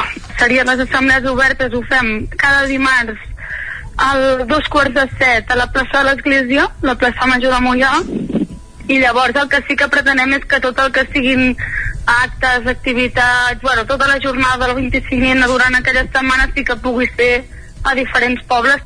En les properes setmanes el col·lectiu anunciarà quines activitats es faran de cara al dia contra la violència masclista. Gràcies, Caral. El disc de la Marató que es posa a la venda de diumenge es podrà comprar aquest any també amb el 99. Exacte, aquest any el disc de la Marató de TV3 es podrà comprar per primera vegada amb les edicions del 9-9, tant la d'Osona i el Ripollès com la del Vallès Oriental.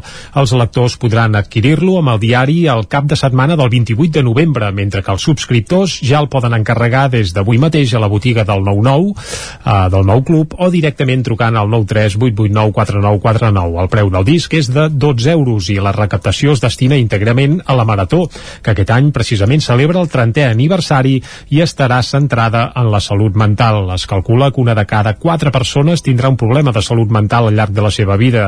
És un problema freqüent que representa una càrrega personal, familiar i social molt elevada. La Marató, doncs, hi donarà visibilitat i alhora captarà recursos econòmics per a la investigació. Tornant al disc, cal dir que aquest any serà un disc doble, un de blau i un de blanc amb 15 cançons a cadascun dels eh, dos discos.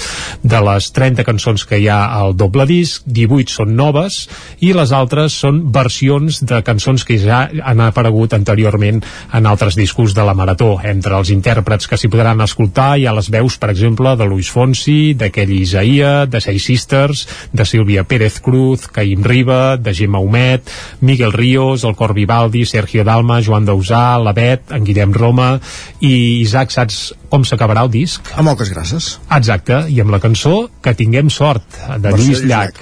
Passada, això sí, pel sedàs d'Oques Grasses. Recordem que el disc de la Marató es podrà adquirir doncs, amb el 9-9 i també amb d'altres mitjans al cap de setmana del 28 de novembre.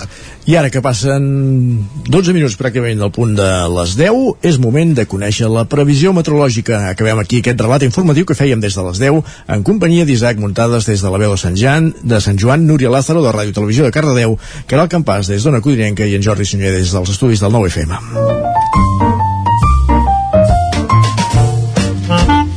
Casa Terradellos us ofereix el temps. I ara el que toca és saludar altra vegada en Pep Acosta, som a les portes del cap de setmana i la informació meteorològica sempre té un protagonisme especial. A la primera part, a la primera hora, ja l'hem escoltat en Pep i eh, s'han anat Està una mica per les branques Sí, sí. i sembla que el dissabte passat la devia fer grossa i augura que aquest dissabte també pot espetegar fort, però vaja, esperem que ara se centri més amb la informació meteorològica, per tant el saludem de nou. Bon dia, Pep. Hola, molt bon dia. Ui, i molt que bona estem hora. als pals del cap de setmana Anem al cap i de sempre setmana, és més va. important la informació meteorològica. Avui al matí encara plou una mica, de fet aquesta nit mm. han pogut dos, tres litres cap al Pirineu, Uh, aquesta perturbació uh, no acaba de marxar uh, Déu-n'hi-do, jo em pensava que seria menys activa aquesta perturbació que han posat el nom de Blas un, un, un nom que m'encanta, el Blas doncs aquesta perturbació ha sigut més activa que em pensava, ha fet mal cap a les Balears i per fi ha provocat pluges a gairebé tot Catalunya. Feia falta. Doncs avui encara ens portarà una mica de pluja, poca cosa, anirà marxant i a la tarda l'ambient ja serà molt més assolellat i amb moltes més clarianes. Les temperatures molt semblants a les d'ahir. Demà, demà dissabte, si algú fa plans al cap de setmana, demà serà el dia amb, amb més clarianes, amb més sol, amb, amb més tranquil·litat. Les temperatures pujaran, màximes de 19, 20 graus, i les mínimes seran una mica més baixes. Entre el 0 i el 5, a la majoria de les nostres poblacions eh, de l'interior, entre 5 i 10, cap al prelitoral. I diumenge tornen a bufar vents marítims, una altra vegada més humitat, una vegada més núvols, i una altra vegada possibilitat de precipitacions, sobretot cap al prelitoral. Precipitacions que diumenge sí que crec que seran bastant testimonials, eh, mm, inferiors als 5 litres a totes les zones, i unes pluges que no seran molt intenses ni de bon tros. Les temperatures diumenge també eh, bastant agradables, com deia, tornant a bufar vents marítims, no hi ha entrada vent de nord, no hi ha entrada vent de nord-est, eh, per tant no tindrem grans fredorades aquest cap de setmana. I això és tot, a disfrutar del cap de setmana, eh, anant molt de pressa i fent un resum molt de pressa. Va. Avui encara una mica d'estabilitat, quatre gotes en algunes poblacions, cap al migdia de la tarda ja més clarianes. Demà, el dia més assolellat del cap de setmana, el dia que més activitats podeu fer, i diumenge tornen els núvols i tornen una mica les precipitacions. No crec que plogui tant com aquests últims dies, però ojalà ho fes, ojalà ho fes, i tot setmana les temperatures força suaus, cap fredorada, i mínimes tampoc no molt fredes a disfrutar el dia, a disfrutar el cap de setmana Mhm. i ens escoltem dilluns vinga, Aquí bon cap de setmana, adeu Vinga, doncs que li vagi bé el cap de setmana amb en Pep i que la festa sigui lleu i la meteorologia, doncs, bonança, que Exacte. ja això sembla que anirà per aquí. que interessa per qui fa activitats com per exemple el Festival de Cinema de Muntanya del que parlarem tot seguit A l'Antàrtida hi fa molt de fred, eh? a l'Antàrtida sí, però l'important és a Torelló ara mateix Va, anem-hi. Casa Tarradellas us ha ofert aquest espai. Territori 17. Envia'ns les teves notes de veu per WhatsApp al 646 079 023. 646 079 023. WhatsApp Territori 17.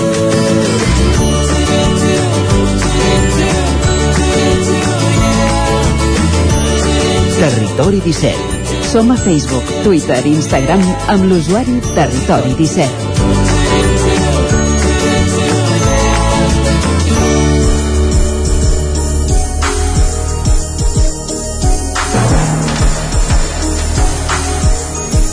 Com avançàvem fa una estona, avui comença el Festival de Cinema de Muntanya de Torelló, el Festival Internacional de Cinema de Muntanya de Torelló, amb 47 pel·lícules a concurs a la secció competitiva i amb l'Antàrtida com a territori destacat en aquesta edició. Tan destacat que avui en la jornada inaugural s'ha titulat l'Antàrtida un desert blanc, una jornada per obrir el festival amb, amb un debat sobre aquest diguem-ne, continent i també acompanyat de, de música de, de Josep Maria Cols. Però parlar, per parlar tant del festival com d'aquesta inauguració tenim a l'altra banda del fil telefònic en Joan Salarí, que és el director del Festival BBVA de Cinema de Muntanya de Trolló. Joan, bon dia. Hola, bon dia. Com estem? Doncs bé. A punt? Bé, bé. A punt, sí. Uh, a punt falten els últims retocs, és normal, però estem en el punt on hem d'estar. Molt bé. Com dèiem avui, aquesta jornada, aquesta sessió inaugural, l'Antàrtida, un desert blanc, una mica posa'ns en context eh, què es pretén amb aquesta inauguració de- d'avui i per què l'Antàrtida. Bé, en, en primer lloc l'Antàrtida és, és la zona, el territori, en aquest cas un continent que vam, que vam triar eh, perquè mm, primera doncs és, és, un, és un lloc on es poden explicar eh, històries sobretot de, de canvi climàtic que és el que aquest any doncs és el tema que tocarà bastant eh, més directament a la- la- l'Antàrtida. I també doncs perquè és una zona doncs eh, inhòspita eh, una mica seguint la línia d'aquests territoris que estem agafant darrerament que eh, ens permeten doncs, endinsar-nos en, endinsar-nos en zones doncs, eh, poc conegudes i on doncs, podem donar a conèixer doncs, eh, històries i, i fets que ja han passat. No? L'espectacle d'avui és un espectacle amb la línia dels que estem fent darrerament. Eh, hi haurà cinema, hi haurà vídeo, eh, hi haurà música en directe amb el piano de Josep Maria Cols i també hi haurà tres personatges que intervindran en aquesta espècie de, de debat que són eh, científics que han estat a l'Antàrtida treballant i que ens parlaran doncs, de, des de els efectes del canvi climàtic en, en, aquest, en aquest espai tan sensible de, del planeta. Eh, tot això doncs, amb, amb, un, amb, un, amb un guió que hem estat treballant i una producció en definitiva de, del festival per obrir, eh, per obrir-lo d'una manera doncs, un, diguem-ne original. Uh -huh. Aquestes tres persones que hi participen són la, la Marta Estrada, en Francesc Sàbat i en Rafael Simó, com deies, amb la música de Josep Maria Cols i també una intervenció artística de, de l'Eudal Alabau. Tot això avui de l'escenari del Teatre Sirviano. Bé, Exactament. Bé, l'escultura, la intervenció de, de l'Odal Alabau serà fora del teatre, Mhm. perquè és una construcció sorpresa, però diem que, que hi haurà gel i, i es- estarà instal·lada davant, de, davant del, del cinema. Perfecte. Aquí comença aquest festival de cinema de muntanya. Hi haurà cinema, òbviament, però també hi ha moltes activitats paral·leles. 47 pel·lícules eh, finalment a concurs, que són la, la selecció que s'ha fet entre totes les que s'han presentat de diversos països del món. Com ha anat aquest any, tenint en compte que venim d'una pandèmia, diguéssim, tot el tema de, de participació, de, de presentació de, de pel·lícules, eh, n'hi ha hagut menys, s'estan al nivell, eh, la pandèmia eh, es reflecteix d'alguna manera en aquests films? Jo diria que eh, en quant a participació eh, hem mantingut la, la, de, la darrera edició, una pel·lícula més. Eh, sí que sembla que hi hagi hagut un, un descens, produït possiblement per la pandèmia, però per altra banda estem molt satisfets de que el nivell d'aquest any eh, és dels millors de la història del, de, del festival. Per tant, doncs, per una banda, s'ha produït menys cinema de muntanya, però per altra banda la, la qualitat és molt superior eh, a les últimes edicions. Mm, pensem doncs, que això pot ser un, un, bon, un, un bon resum del que, del, que, del que podem veure aquest any. Eh, bé, mm, pel·lícules eh, que abarquen tots els temes mm, possibles dintre, dintre del festival, des, de, des dels més esportius fins als més de, de te temàtica social o ecològica, sí que volia destacar doncs, que en aquest, en, aquest, en aquest espai, en aquest bloc, doncs, hi, hi ha hagut una important increment, estem passat doncs, en aquests dos o tres últims anys de, de 5 o 6 pel·lícules fins a les 14 d'aquesta edició i, i que estan marcant una tendència perquè hi ha molt de públic que està venint a, a, a veure aquestes sessions mm, des d'un altre punt de vista, des d'aquest punt de vista doncs, més de, ecològic que no, que no el purament esportiu. Uh -huh. Aquestes són unes pel·lícules, unes sessions que es poden seguir al, al cinema al Casal, que és una de les dues seus del festival, el Casal i el, i el Teatre i el Teatre Sirvianum. Eh, el fet de poder comptar amb dues sales de, de projecció, una tendència de, dels últims anys, suposo que ajuda, no?, diguéssim, a, a programar i a, i a alliberar i a poder fer més activitats, diguéssim. Uh, sí, de fet, de fet uh, la, la primera idea d'utilitzar les dues les dues sales eh, totalment va venir donat per, per, la, per l'aforament. En aquells moments doncs, estava, estava al 50%, de fet estava al 50% fins fa 4 dies. Eh, I vam preveure doncs, les sessions doncs, tenint en compte això. Bé, eh, en aquests moments està obert al 100%, però penso que ha estat una, una bona idea mantenir, mantenir les dues sales, una, en programació a la mateixa hora a les dues sales, com dèiem, amb temàtiques diferents, però que ens permet doncs, eh, mantenir un, un alt nivell de, de sessions i poder donar aquesta visió àmplia de tot el que volem donar a través del festival, que és la cultura de, de muntanya en general, no només eh, l'esportiva. Tornem un moment a la secció competitiva. De les 47 pel·lícules, hi ha, hi ha més d'una estrena internacional i tres, de, i tres en participació catalana. Són, són xifres a, a destacar, també, no? diguéssim, el, el fet de, de la posició internacional del festival, que ja ningú dubta, diguéssim, però que, que aquestes xifres l'avalen. Uh, sí, uh, de fet, mm, el, el festival a, a, nivell, a nivell estatal sí que ja fa anys que pràcticament el 90-95% de pel·lícules són estrena a nivell estatal eh, i estàvem apretant eh, per tenir una bona representació d'estrenes de, mínimament o internacionals o, o, o a Europa. Aquest any, doncs, eh, de totes les pel·lícules que, que són de, eh, americanes, del continent americà, eh, són estrena a Europa i a més a més hi ha una pel·lícula italiana que s'estrenarà mundialment eh, aquí a Torelló. Això és, és, és molt important perquè diu molt, té molt a, a veure doncs, amb, amb el treball que s'ha estat fent durant, durant tots aquests anys.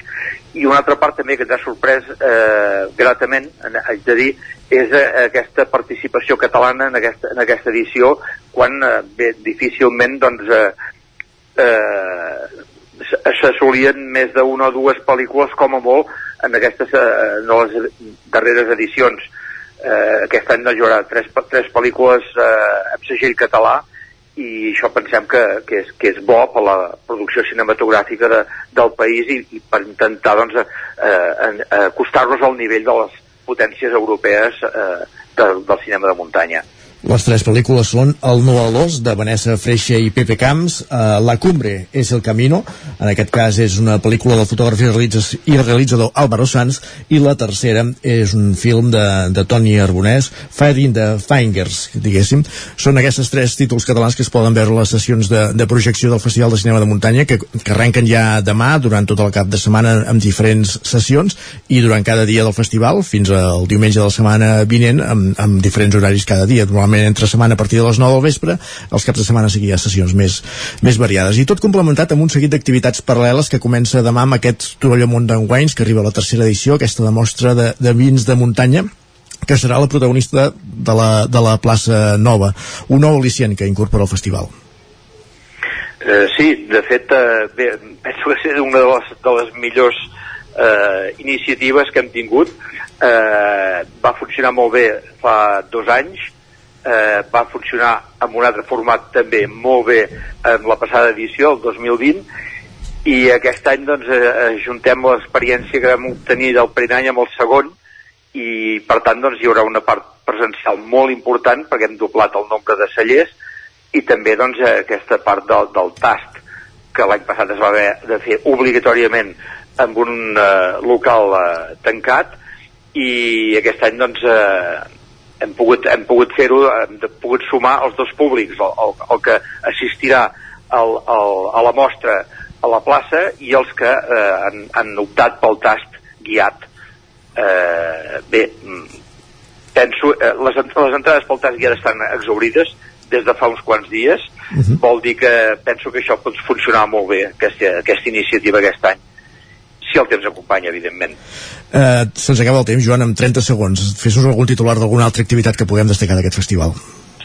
Bé, jo, eh, jo bé, és, és que és molt variat. Hi ha, hi ha, hi ha pel públic doncs, que pot desplaçar-se cada dia, que pot venir a veure cine, però també hi ha les xerrades, tot el conjunt de xerrades i conferències a, a la biblioteca, també eh, pels més petits, aquest, aquest, aquest espectacle de màgia i titelles a la Teia Moner, bé, en fi, mm, és, és molt ampli el ventall que és el que pretén el festival.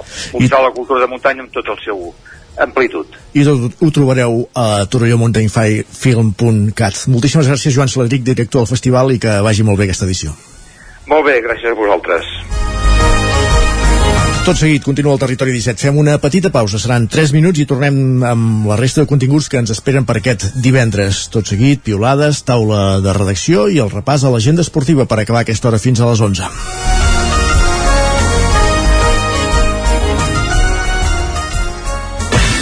El nou FM, la ràdio de casa, al 92.8. El diumenge 14 de novembre, cinquena cursa de resistència 3 hores Ceba la Sanz. A les 8 del matí, verificacions, a les 9 entrenaments i a dos quarts d'11 inici de la cursa. Inscriu-te al telèfon 633 650 297. El 14 de novembre t'esperem a la cinquena cursa de resistència Ceba la Sanz. Organitza l'Ajuntament de Ceba. Saps què és el confort intel·ligent? És tenir un terra radiant Giacomini a casa Benestar que no es veu, però es nota tot l'any. I que pots controlar a distància des del teu mòbil, estalviant energia i diners. Suma't al confort intel·ligent amb Giacomini. Informa't a giacomini.es o truca al 93 884 1001 i t'ajudarem a tenir un terra radiant a casa o a l'oficina. Giacomini, la climatització que et mereixes. Coberta serveis funeraris els nostres tanatoris estan ubicats en els nuclis urbans més poblats de la comarca d'Osona per oferir un millor servei. Tanatori de Vic, Tanatori de Manlleu, Tanatori de Centelles i Tanatori de Roda de Ter. Sabem que són moments difícils i per això el nostre compromís és atendre-us en tot moment amb un tracte humà, sensible i respectuós. Cobertes serveis funeraris. Telèfon 24 hores 93 883 23 46. Rètols 2A. Experts en comunicació visual. Rètols, banderoles, vinils, impressió, plaques gravades, senyalització, display... Rètols 2 Art. Ja són 25 anys al vostre servei. Ens trobareu a la carretera de Vic a Olot, número 7, al polígon Malloles de Vic. dosartvic.com Telèfon 93 889 2588.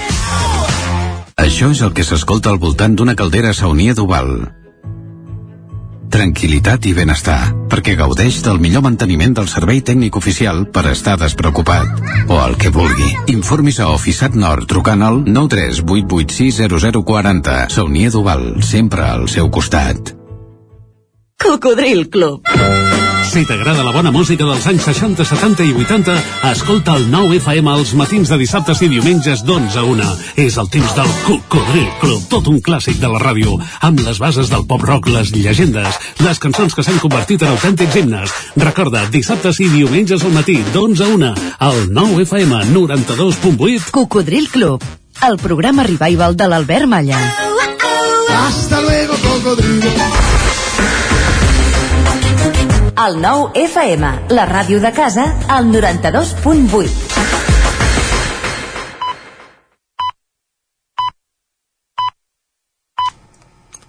En punt, dos quarts de deu, al, dos quarts d'onze al territori 17.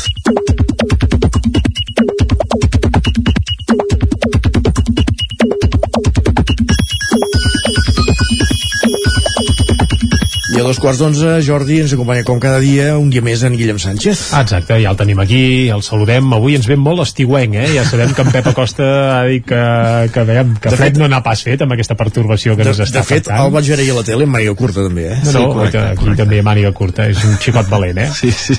Bon, bon és- dia, bon dia, Això és Guillem. el que em defineix, Jordi Isaac, sí, xicot valent. Uh, doncs va, comencem perquè ahir va saltar a la llum una de les notícies possiblement més catastròfiques que ens haguéssim pogut imaginar mai. Ara, pla, no, sé, no sé si sabeu de quina podríem estar parlant. Jo, la veritat és que no. L'Isaac, té pistes? Jo ara mateix no. La Núria ho comenta, diu, com que un atac informàtic a Dama ha fet aturar la Ah, sí? producció de cervesa? Tothom a l'aeroport.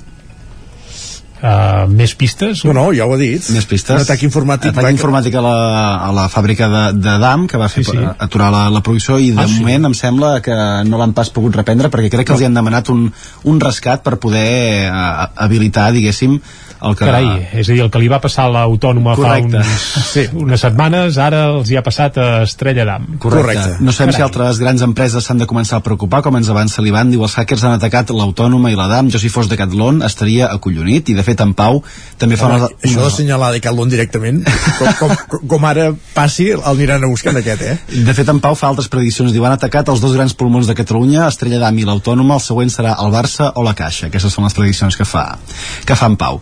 Uh, al cap de pocs minuts, per això, el director de comunicació de l'empresa va assegurar que hi havia producte i que es garantia el servei perquè tenien estoc, però en aquest sentit, però, l'August comentava si és per evitar un problema, ens presentem allà per consumir producte, només faltaria que es perdés, tot sigui per ajudar a aquestes empreses. Que, que bonic, l'altruisme de la gent disposada a buidar els dipòsits d'Estrella. Des, desinteressadament, Home, eh? i tant, Desinteressadament. sempre, sempre. Doncs Més va, coses, va. canviant de tema, aquests dies s'està parlant molt també de les inversions sorgides arran dels pressupostos de la Generalitat d'aquest 2022. Uh, no sé si penseu que tots els territoris reben diners o no, perquè Liu volia deixar constància d'una situació Diu, el Moianès és l'única comarca amb inversió de 0 euros. La C59 és una carretera homicida i no està previst ni un euro alguns centres educatius amb deficiències per tenir. No tenim ni comissaria dels Mossos. Em sembla un greuge molt gran, una presa de pèl. Tot i això, al cap d'unes hores, l'usuari mateix C59 Segura li va respondre aclarint aquesta si- situació. Diu, respecte a aquest comentari que ahir ens van fer, saltar les alarmes ens han confirmat que la inversió de 5,4 milions d'euros per millorar la C59 es manté i que per algun motiu o error les inversions previstes al Moianès es van incloure a comarques veïnes. Sí, perquè encara no tenen actualitzat el mapa de comarques. Podria ser, error, podria no? ser. Sí, i l'altre tema, la C59 discorre en bona part també pel Vallès Oriental, per tant podria ser que haguessin posat estigués la partida al Vallès i no pas al Moianès en aquest cas. Per tant, tothom tranquil, eh? Tothom tranquil en, en aquest sentit. Bé, per protestar que no quedi, eh? Sí, sí, Avui mateix el evidentment. 9-9, ja ho hem repassat abans, titula que Osona és de les comarques eh, on la Generalitat preveu menys inversió per habitant, la quarta per la cua, i n'hi ha unes quantes de comarques, eh? Correcte. Per Això tant, podria ser d'aquí- sinònim de que estem perfectes, però no és el cas. No, no, no. O, Casa o, mena. o que no hi ha pressa per fer les, les, les coses, també podríem... Bé, o potser no hi ha diners, Diners ras i curt, per molt que el pressupost creixi força, mai n'hi ha uh, al gust de tothom. diguem, Algun eh? usuari de Twitter per això sí que ens diu que a vegades la gent no té gaire pressa per fer les coses. Per exemple, ens ho assegura l'Aniol, que diu acabo de rebre una resposta d'un email que vaig enviar a l'agost del 2018. Diu sí, acabo de rebre la resposta a un email que vaig enviar a l'agost del 2018. Carai, quina velocitat. De què era aquest email? No hi ha Li han, pistes aquí? li han demanat de qui era el destinatari i de quin era el contingut del missatge, però no, no ha volgut donar més pistes. El que sí és que alguns usuaris han, han respost en, aquesta, en aquest missatge, com per exemple la Cristina que diu mira el costat positiu, com a mínim són educats i t'han respost més val tard que mai, Aniol. I tant. I l'Aina també hi fa una aportació, diu no ho supero. L'altre dia vaig contestar un correu del setembre del 2019 i el destinatari em va respondre a l'instant. Per tant, hi ha gent que potser és, és, és allò que el, el deixes de, dient no, d'aquí una estona ja el contesto i aquesta estona passa un dia, una setmana, un mes i, i, i tres anys que no són res tampoc Uh, bé, el pas del temps és molt relatiu, uh, però nosaltres l'hem d'anar fent facturar perquè a les 12 pleguem, eh? Què més tenim, Guillem? Doncs va, ràpidament. no, qüestions de, de temps també en Roger s'ha donat que s'està fent gran, que està passant el temps perquè diu cada dia dormo menys, però no en el sentit guai de sortir de festa i anar al llit a les tantes sinó en el sentit de em llevo un dissabte a les 6 del matí perquè ja no tinc més son per tant Ara pla, és a dir, assumeix que fer més anys vol dir tenir Dormir menys menys. son i dormir Dormir menys. Jo no ho he experimentat això encara, eh? però vaja. Bé, bé, doncs... I per donar l'entrada amb aquest cap de setmana, encara que els dies, eh, com dèiem, potser surt una mica el sol, però siguin encara una mica rúfols, un comentari de l'Anna diu, dia gris i espès, això només ho arregla una dutxa, una dutxa d'aigua calenta i un bon entrepà de fuet. Doncs ja ho sabeu, si demà dissabte el dia es lleva una mica gris i mm, enfadat, doncs una Aplicar dutxa la recepta de l'Anna. d'aigua calenta i I entrepà de sobretot l'entrepà de fuet, darrere. Guillem, bon profit. Merci. L'entrepà de fuet, eh?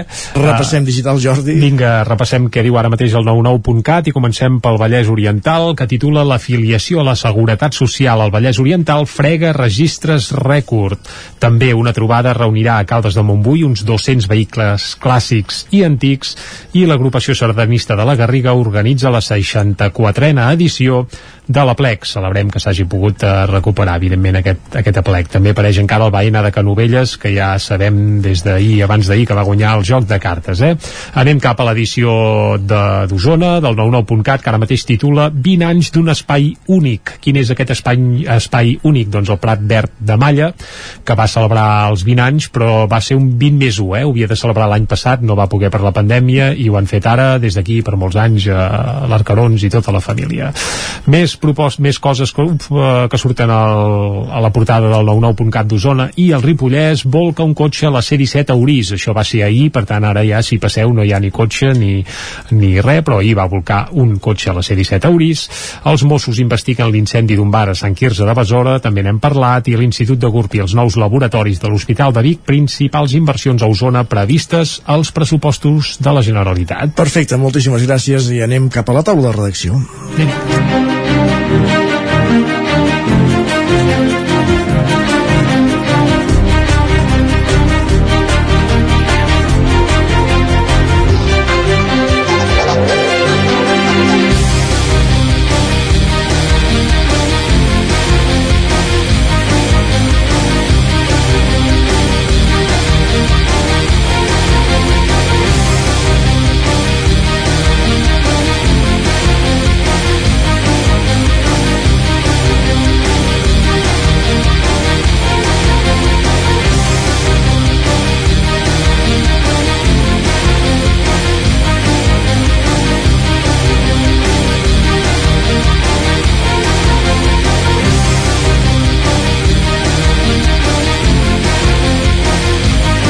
I a la taula de redacció avui parlarem amb en Guillem Freixa i en Jordi Vilarrodà. Parlarem d'aquest relleu a la direcció del Museu Episcopal de Vic, d'una banda, i també parlarem del temps, però no del temps de, del cap de setmana, sinó de les tendències meteorològiques a mig, llarg termini que apunten que hi haurà un, un augment de la temperatura, això ja fa temps que ho sentim dir, i aiguats curts però intensos a Osona i al Ripollès. En parlem tot seguit, com dèiem, a la taula de redacció.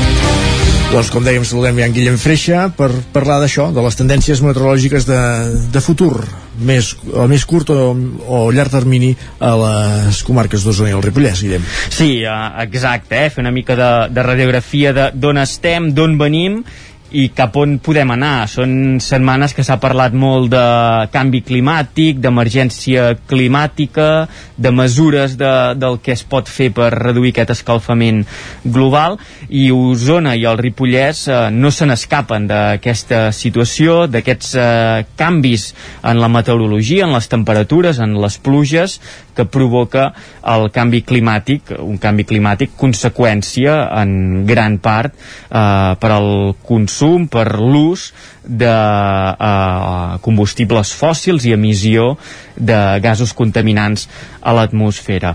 Mm, Quina situació tenim eh, ara mateix? Estem en una setmana en què ha arribat la primera gran borrasca, podríem dir, eh, anomenada eh, Blas, i en l'àmbit meteorològic també hi ha hagut eh, aquesta expectació per si s'acabava si convertint en un petit huracà mediterrani, un Medicaid, que, que s'anomena, el seu pas per les eh, Balears.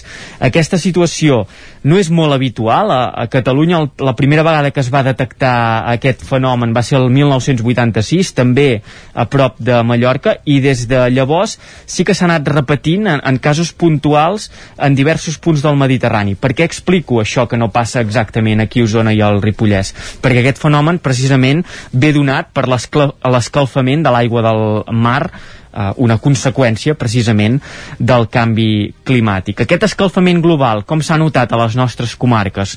Doncs a Vic, per exemple, el 1970 la temperatura mitjana eh, anual va ser de 12,1 graus eh, centígrads i transcorreguts 50 anys la temperatura mitjana del 2020 es va situar en 13,9. Per tant, tenim aquest increment de 1,8 graus en, en mig eh, segle de, de vida, en mig segle de, de temps, per tant, hi ha hagut aquest escalfament, és una evidència.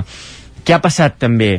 Doncs canvis en les pluges. Nosaltres parlàvem amb, amb Manel Dot, eh, de, Mete, de Meteo Osona, i ens deia que eh, a nivell de eh, litres caiguts en l'any eh, és una cosa molt irregular el que va passant, perquè la mitjana de, de les últimes dècades, dècades se situaria entre 650 i 700 litres, i ens deia que els dos últims exercicis s'han sobrepassat eh, aquesta, aquesta mitjana, per exemple, amb el temporal Glòria, amb diverses borrasques i, i tempestes que han anat eh, arribant, però sí que detectava una situació, i és que eh, ell deia que ja no existeixen llevantades que s'allargaven durant 15 dies, i que estàvem 15 15 dies doncs eh, amb el cel tapat eh, ara plou una estona, ara para ara torna a ploure, que això ja no passa que cada cop passa menys. I el que passa és que arriben llevantades més curtes i més violentes. Per tant eh, ja és una cosa que els meteoròlegs o els observadors meteorològics d'aquí a la comarca sí que han observat. I això comporta dificultats per exemple amb la gestió dels recursos hídrics amb tenir aigua de boca, amb tenir aigua per al consum potable. Nosaltres parlàvem amb Enrique uh, Velasco, que és uh, el cap del Departament de Gestió de Recursos Hídrics de l'Agència Catalana de l'Aigua, i ens deia que ells sí que detecten a nivell general que d'una banda uh, plou menys, per tant tenim menys aigua, que també neva menys, i això és important perquè eh, no hi ha un gran volum de desglàs i no va entrant aigua a poc a poc durant mesos en què en teoria eh, també redueix la, la precipitació, com pot ser la primavera i el principi de, dels estius, i apuntava un altre cas, i és que està augmentant molt la massa forestal i això es tradueix en una absorció molt més gran de l'aigua. Els boscos absorbeixen entre un 60 i un 80% de l'aigua que els hi cau per créixer, per poder fer créixer a les plantes, als arbres, tot el que hi ha en aquests boscos. I això fa que aquesta aigua no acabi arribant en els corriols, en les rieres, en els rius, en definitiva, uh mhm. -huh. i es pugui aprofitar. I ja per acabar, dir que aquests episodis de pluja més irregulars i més intensos també dificulten aquesta gestió dels recursos hídrics perquè quan plou eh, abans dels embassaments l'aigua arriba als pantans eh, molt més bruta, amb molts més sediments això fa que es compliqui molt més la gestió i també si plou més enllà dels embassaments, o sigui ja en el tram proper a, al mar, com que cau molt de cop, eh, és molt més difícil recol·lectar-la tota i poder-la aprofitar. Per tant, una mica el titular seria aquest, eh? més calor i pluges molt més irregulars a causa del canvi climàtic. Gràcies, Guillem, per aquest anàlisi i per endevinar ja aquesta tendència de futur meteorològica. Gràcies, que de fet en part ja és present. Eh? I continuem parlant de la taula de redacció i ara, com dèiem, del relleu, la direcció del Museu Episcopal de Vic amb, aquesta, amb aquest titular que donàvem ja les notícies, Jordi Vilarrodà, bon dia, que és el, bon primer, dia. el primer seglà que ocupa aquesta, aquest càrrec. Sí, uh, de fet, a veure, si ho mirem estrictament, no seria ben bé el primer de tots, de fet, és el primer des de l'any 1898, que déu nhi perquè el museu, sí. quan es va fundar, doncs, uh, va posar-s'hi al davant un prohom biguetà, l'Antoni d'Espona, un senyor que no era capellà, no era clergue, i va estar-hi només els primers anys.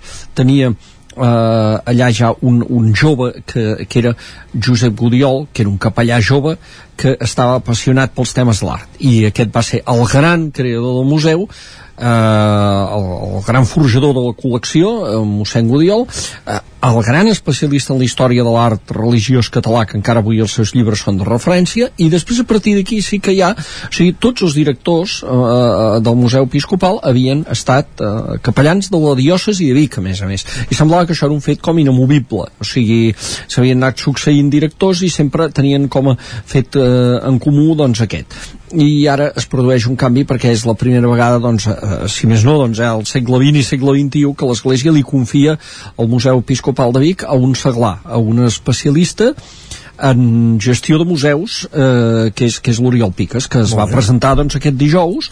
Eh, ell té una llarga trajectòria a la Diputació de Barcelona en altres àmbits de cultura que no eren ben bé el de museus i a la Generalitat, al Servei de Museus, en el Departament de Cultura, aquí sí ja ha centrat, des de fa més de 10 anys, eh, només en el tema dels museus, sobre el qual té publicats diversos articles. De fet, és l'autor del mapa de museus de Catalunya, que, que va ser mm, consensuat també entre tots els, eh, tots els museus del país, que, que no és una tasca fàcil, a més a més. I, i bé, per tant, és un expert que s'ha mogut en aquest àmbit teòric i quan es presentava deia, és la primera vegada, ara 63 anys que té, que eh, em poso a gestionar un museu mm, allò tocant, tocant la realitat allò del, del dia a dia no? Mm. per tant, per ell també s'ho agafa com un, com un repte eh, per un període de 4 anys en principi ell eh, és barceloní però ara viu a Osona, viu a Sant Julià concretament, per tant molt vinculat ja a la comarca, de fet ja ha estat força sempre. I, eh, i, i té aquest encàrrec de substituir en Josep Maria Riba que era el director que havia estat els últims 17 anys. Ara és el vicari general del Bisbat de Vic i per, per, per massa càrrega de feina evidentment no pot portar les dues coses. I, i eh, per tant Oriol Piques doncs ara ja, de fet des de, des de dimarts que es va fer oficial és eh, aquest primer primer director seglar del Museu Episcopal de Vic des de finals del segle XIX. Va ser molt extens ahir, em va explicar doncs, eh, la seva mirada sobre el museu, el que hi vol fer, eh, que de fet ell va dir que era un museu madur, consolidat, per tant, unes qüestions de matisos més aviat en la seva, en la seva gestió. Eh, se li va veure que sap molt eh, de què parla quan parla de museus, eh, tant de públics com de gestió, com de en fi, els diferents aspectes que va anar tocant amb la idea també forta de que un museu és una institució científica i, i bé eh, aquest és la seva declaració de principis i a partir d'aquí doncs eh, comença a gestionar ja el museu en un moment que el museu ja té un pla mm, estratègic fins a l'any 2030, per tant té uns objectius marcats, que està eh, abordant processos de digitalització i que ara, en la postpandèmia, vol recuperar una mica doncs, aquesta tendència que ha anat seguint d'exposicions temporals, algunes amb caràcter internacional, que mm, li han donat també un segell d'identitat en tot el mandat d'en Josep Maria Riba. déu nhi doncs veurem aquest nou mandat d'Oriol mm. Piques, cap on tendeix eh, aquest relleu a, a la direcció del Museu Episcopal de Vic. Gràcies, Jordi, per ser avui també aquí a la taula de redacció. Moltes gràcies. I arribats a aquest punt, eh, és moment de conèixer l'agenda esportiva dels equips del Territori 17 per aquest cap de setmana.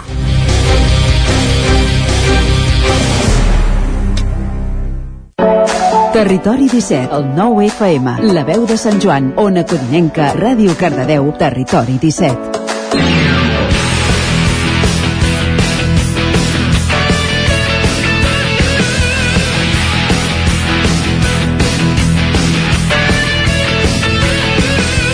11 minuts i mig i seran les 11 del matí. Al Territori 17 parlem ara d'esports, coneguem l'agenda esportiva des de les redaccions de les diferents emissores d'aquest programa. Comencem per Ràdio Cardedeu, pels estudis de Ràdio Cardedeu. Allà ens espera l'Òscar Muñoz. Bon dia, Òscar.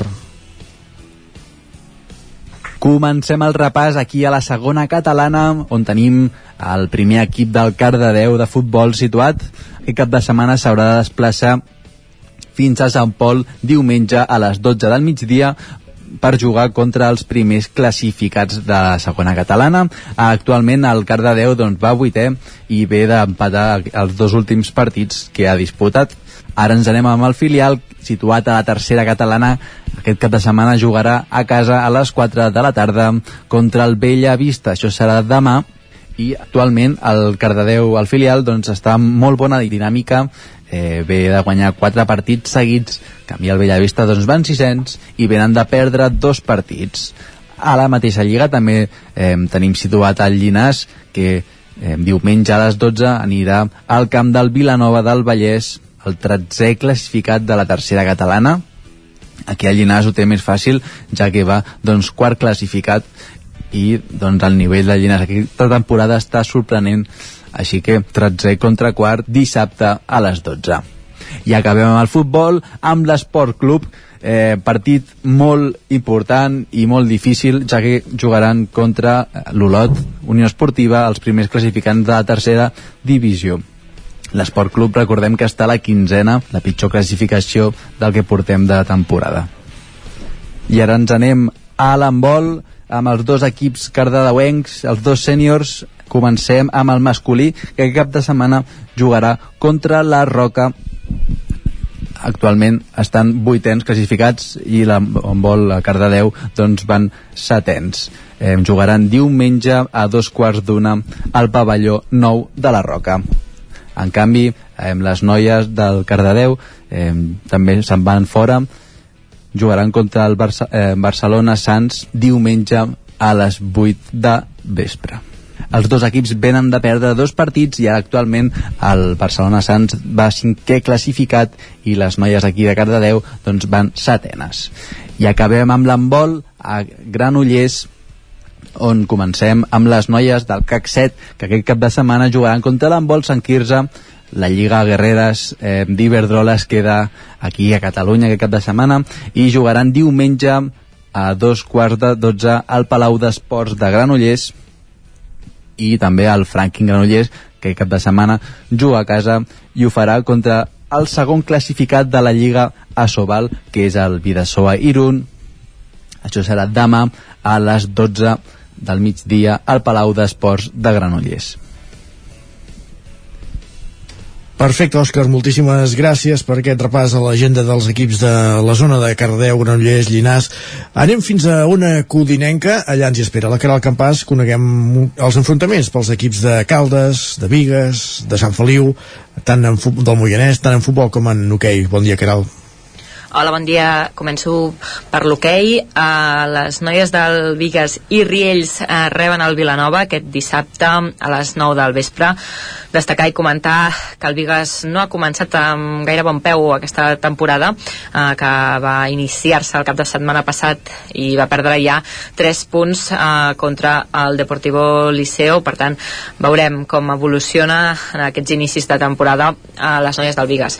Uh, pel que fa a l'hoquei, no tenim gaire cosa cosa més, però sí que si algú es queda amb ganes de, de veure Ok, Patins, uh, us comento que aquest diumenge a tres quarts de set hi ha derbi Ona Codinenca uh, en els equips masculins i és que el Sant Feliu de Codines, el segon equip del Sant Feliu de Codines s'enfronta al Vigas llavors si algú té mono d'hoquei aquest diumenge a tres quarts de set pot veure aquest derbi a uh, Vigas-Sant Feliu de Codines. Amb intensa rivalitat, molt bé Exacte, i vaig cap al futbol, a segona catalana, al grup 6 tenim el primer equip del Caldes, eh, que s'enfronta al Molinos diumenge a un quart d'una. Els calderins són tercers, empatats a 13 punts amb l'Argentona, després de perdre per primera vegada des de l'inici de la temporada, el cap de setmana passat, eh, en la seva disputa contra la Torreta. Per tant, bé, van bé, però aquesta primera derrota, eh, els de José Luis Duque, doncs veurem com afronten aquest eh, partit diumenge a un quart d'una una.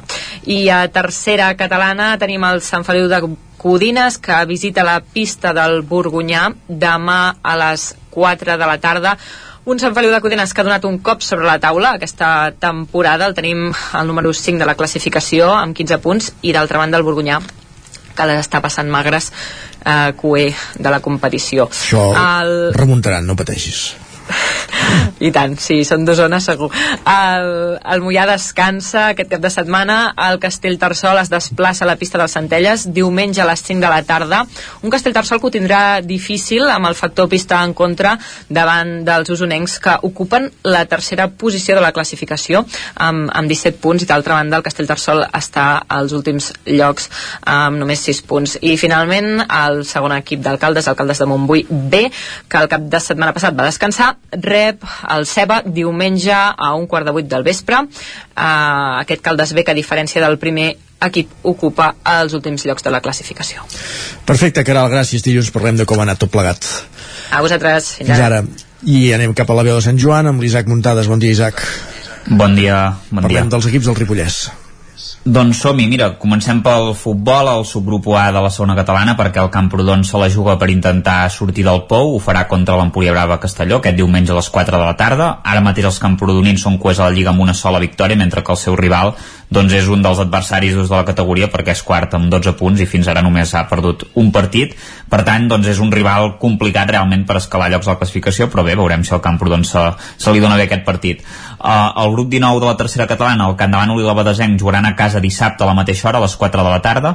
Els candanolencs són segons amb 18 punts i s'enfrontaran al Sant Pons que va 12 amb 10 però que porta dues victòries consecutives per tant arriba en ratxa. I per la seva banda els Sant Joanins són tercers per darrere el Camp de Bànol amb 17 punts i rebran el Sant Roc en un partit que s'espera força plàcid perquè en principi doncs, els garrotxins eh, són coers amb un punt, encara no han guanyat cap partit per tant, en principi és el rival més fàcil de la categoria per aconseguir eh, els 3 punts. Eh, el grup A de la primera catalana d'hoquei patins, l'hoquei Ripoll s'ha encallat després de guanyar els dos primers duels de la Lliga i acumula 3 empats i una derrota. Aquest dissabte a dos quarts de vuit del vespre tindrà un partit molt complicat a casa perquè rep el Vilassar, que és el líder i ha guanyat tots els partits d'aquesta Lliga per tant, rival complicat els ripollesos són quarts amb 9 punts i miraran doncs, d'acostar-se una mica uh, a aquest liderat. Uh, pel que fa a futbol sala, la primera nacional, l'escola de futbol sala Ripoll Servicat visitarà la pista del Censura aquest dissabte a les 6 de la tarda amb la necessitat de guanyar perquè els ripolleros són penúltims amb només un punt i encara no, no coneixen la victòria i el seu rival doncs està igual perquè també té un punt i és novè per tant és un duel uh, directe pel descens i és imprescindible guanyar-lo si, si se'n vol sortir Uh, I finalment, uh, atletisme, perquè aquest dissabte es disputarà la setena edició de la Centúria Trail a Sant Pau de Segúries, amb dos recorreguts a escollir, a diferència dels tres que hi havia normalment cada any. El, el, el gros, la Colossus de 35 no es disputa. Uh, hi haurà el de 25 quilòmetres, que es diu la Gladius, i 1.600 metres de desnivell positiu, i el de 14, l'Escutum, que té 850 metres de nivell positiu i que passen per alguns llocs propers a la via romana al Capsa Costa, d'aquí venen doncs, aquests noms. Uh, hi ha pràcticament uh, més de 400 persones inscrites, per tant, doncs és una xifra bastant important i, i bé, esperem que sigui una cursa ben lluïda. Uh -huh. Molt bé, Isaac. Alguna cosa més? I ja està, fins aquí el repàs esportiu del Ripollès. Perfecte, parlem d'aquí una estoneta amb l'agenda del cap de setmana eh, i acabem aquesta roda eh, als estudis del 9FM amb l'Ester Rovira per conèixer l'actualitat dels equips usonencs. Doncs comencem, si et sembla, amb la segona jornada de l'hoquei Lliga Femenina, en la qual el Martinelli a Manlleu vol sumar la segona victòria de la temporada rebent el Deportivo Liceu dissabte a les 6 de la tarda. Un duel que decidirà qui dels dos equips continua al capdamunt de la, de la classificació. Recordem que aquesta temporada el conjunt gallec ha fet una aposta per al, per al femení i per tant que I va, també... I va guanyar el Vigues, ens ha explicat la que era el cap de setmana passat. Exacte, per tant és un rival a, a tenir en, en compte en la lluita aquesta del Manlleu per tornar a ser un dels equips que, que aspira tot. I per la seva banda el Voltregà, Ester Motor vol aconseguir els primers 3 punts, visitar la pista del Vilassana, eh, un rival que va guanyar en la primera jornada i que també és un dels que s'ha de tenir en compte eh, a la part alta de la classificació i les voltreganeses volen aconseguir la victòria per no allunyar-se de la zona alta en un partit que començarà una hora més tard que el, que el del Manlleu a les 7 de la tarda. Um, no deixem l'esport femení perquè en futbol, uh, després de plantar cara al líder, el Vicro primer de la primera divisió uh, nacional, uh, vol retrobar-se amb la victòria a casa diumenge a les 4 de la tarda contra l'Espanyol B. Les usonenques uh, volen guanyar el seu rival per atrapar-lo a la classificació. Recordem que estan a la zona mitja de la taula. I encara en futbol, a la primera catalana masculina, el Vicro primer obrirà la jornada demà dissabte a un quart de 4 de la tarda rebent el Sant i el de Fons, que és un rival directe a la zona baixa de la classificació. Els de Santa Eulàlia intentaran trencar la ratxa negativa i retrobar-se amb la victòria. A les 6 de la tarda el Vic visitarà el Sant Cugat per sumar 3 punts més i seguir eh, doncs, perseguint els, els líders.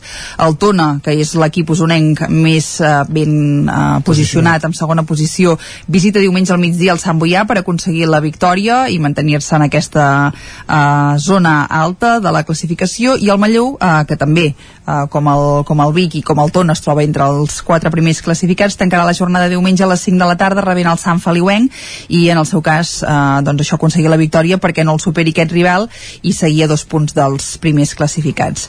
Això pel que fa a l'hoquei i al futbol. D'altra banda, en bàsquet, el Club Bàsquet Vic, Universitat de Vic, visitarà la pista del líder, el Barça C, Carai. que continua invicta. Dissabte, també demà dissabte, a dos quarts de set de la tarda. En aquest cas, eh, buscaran els biguetans una victòria per continuar també eh, doncs, eh, estan en la part alta de la, de la classificació. En tenis taula, el Girbau Vic TT es vol refer de la seva eliminació de la Champions League i de la derrota en la primera jornada de Lliga. Eh, visita avui, divendres, a les 8 del vespre, al Vegas del Genil, eh, que és un equip que no, que no coneix eh, la victòria, per tant veurem com van les coses entre els dos conjunts i acabem amb un apunt de la 29a edició de la cursa Corre per Córrer de, de Manlleu, eh, que es farà diumenge a les 10 del matí amb sortida i arribada al pavelló de, de Manlleu i amb un recorregut de 10 quilòmetres i recollida de dorsals a partir de les 9 del matí, una cita que sempre eh, reuneix doncs, molts aficionats al, al córrer en aquesta matinal de, de 10 quilòmetres. Gràcies, Esther, ens ho apuntem, doncs. Que vagi bé. Que vagi molt bé. Acabem aquí aquest repàs esportiu. Continua el territori 17. I ara que són les 11 en punt, el Territori 17 continua amb l'actualitat del dia. Territori 17, amb Isaac Moreno i Jordi Sunyer.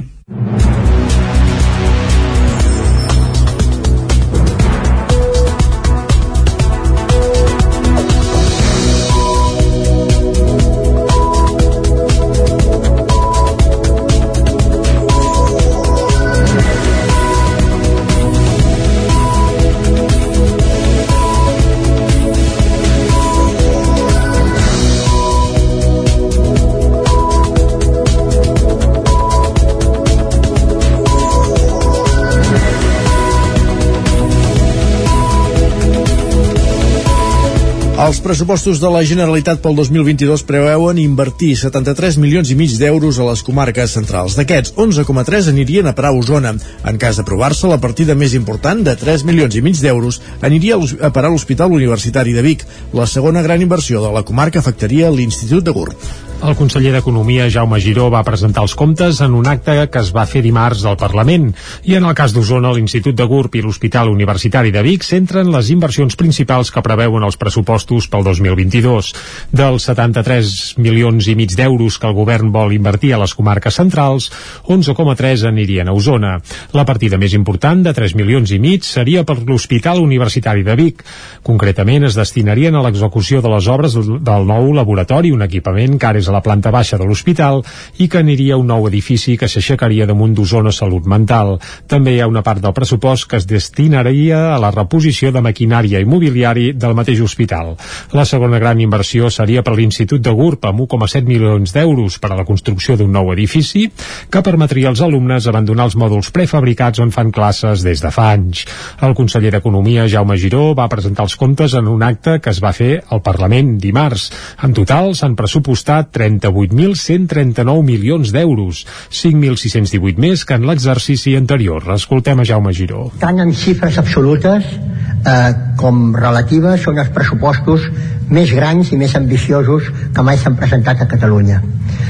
Certament no són els millors que podríem tenir, però són, això sí, els millors que podem tenir avui per avui. Per tant, aquests pressupostos són els més grans i els millors que podem tenir ara mateix. D'aquestes dues premisses se'n treu una conclusió.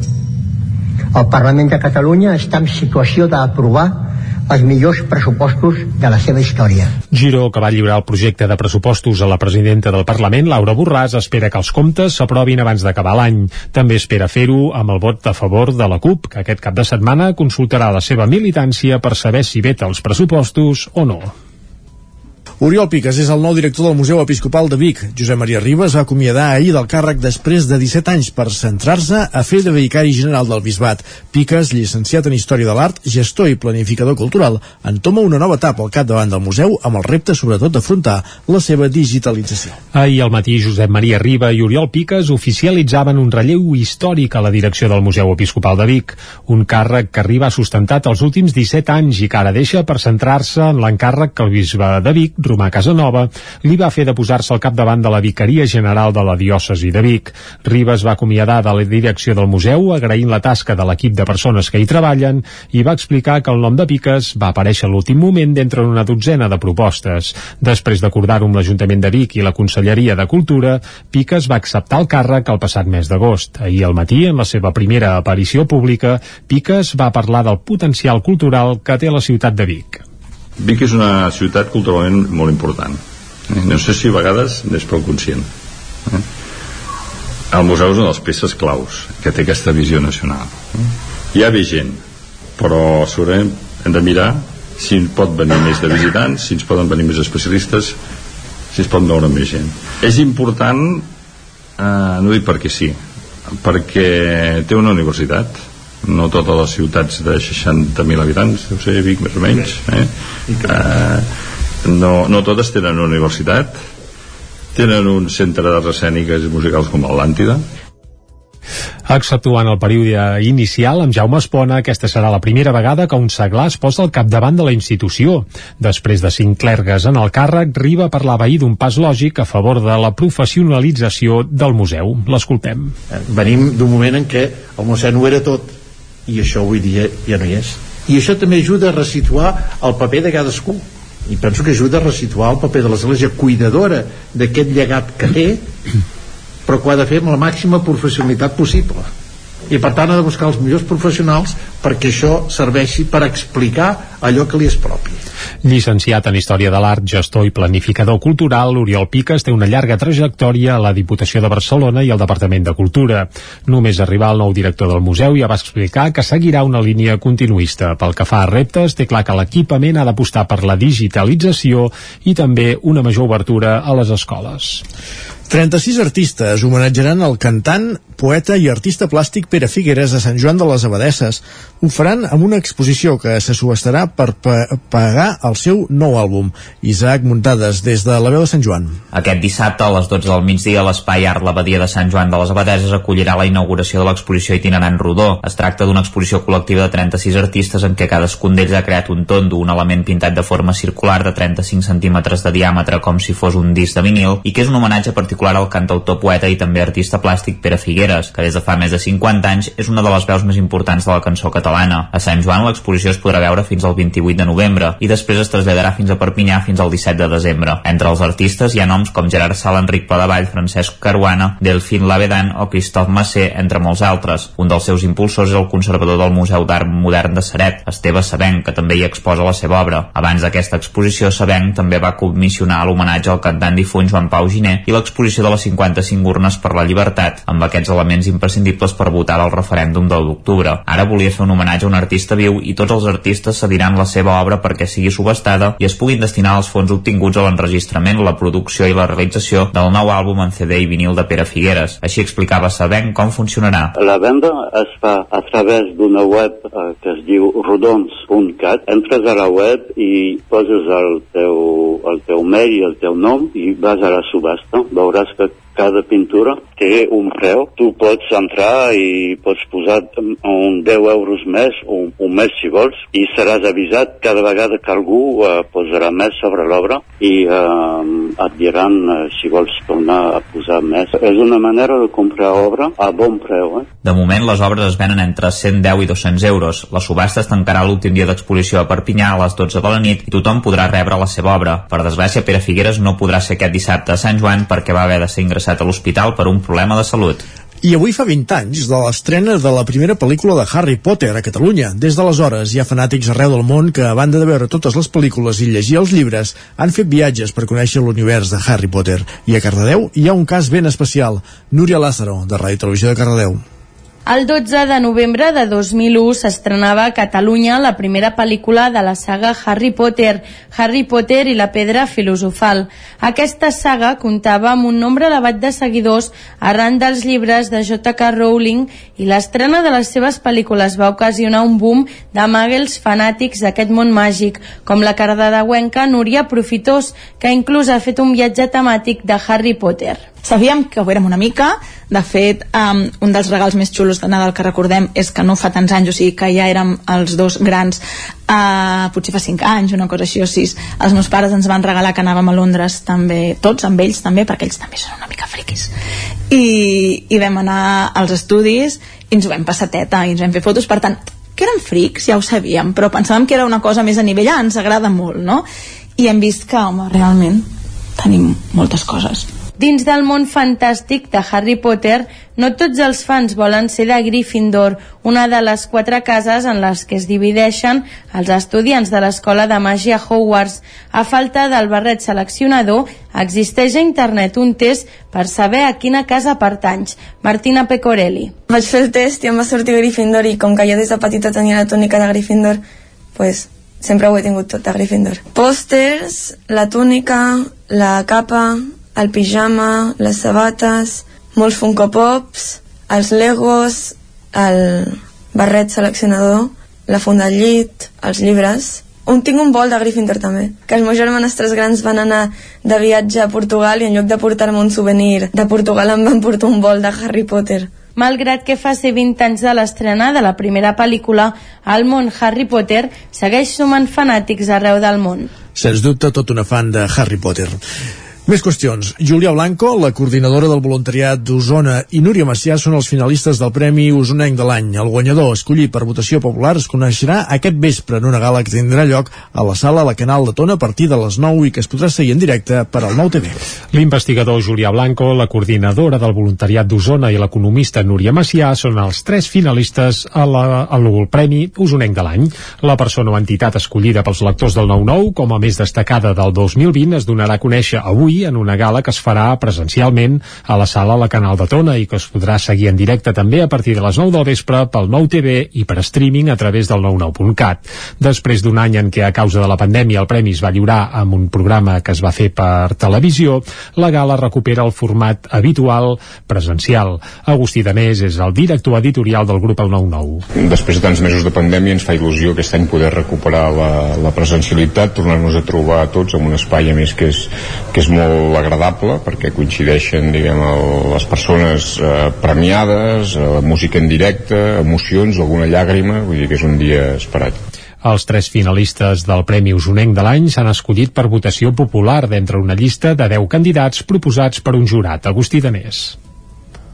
Això és una votació popular, vull dir que hi són els lectors i subscriptors del 9-9 els que ho trien i al final han quedat tres finalistes, que és la coordinadora de voluntariat eh, d'Osona, en Julià Blanco, que ha investigat a l'entorn de diversos temes, també de la, de la Covid, i finalment també la Núria Macià de Creacció, un organisme diguem, que també ha portat moltes dades a l'entorn de la situació socioeconòmica d'Osona. Aquests són els tres finalistes, però insisteixo en el fet aquest que, que són els, els que a través de votacions en línia o de les mateixes butlletes del diari els que han escollit els lectors i subscriptors. Durant l'acte també s'entregarà a l'escriptora Irene Solà de Malla el Premi a la Innovació i el Talent que convoca per segon any consecutiu la Cambra de Comerç d'Osona.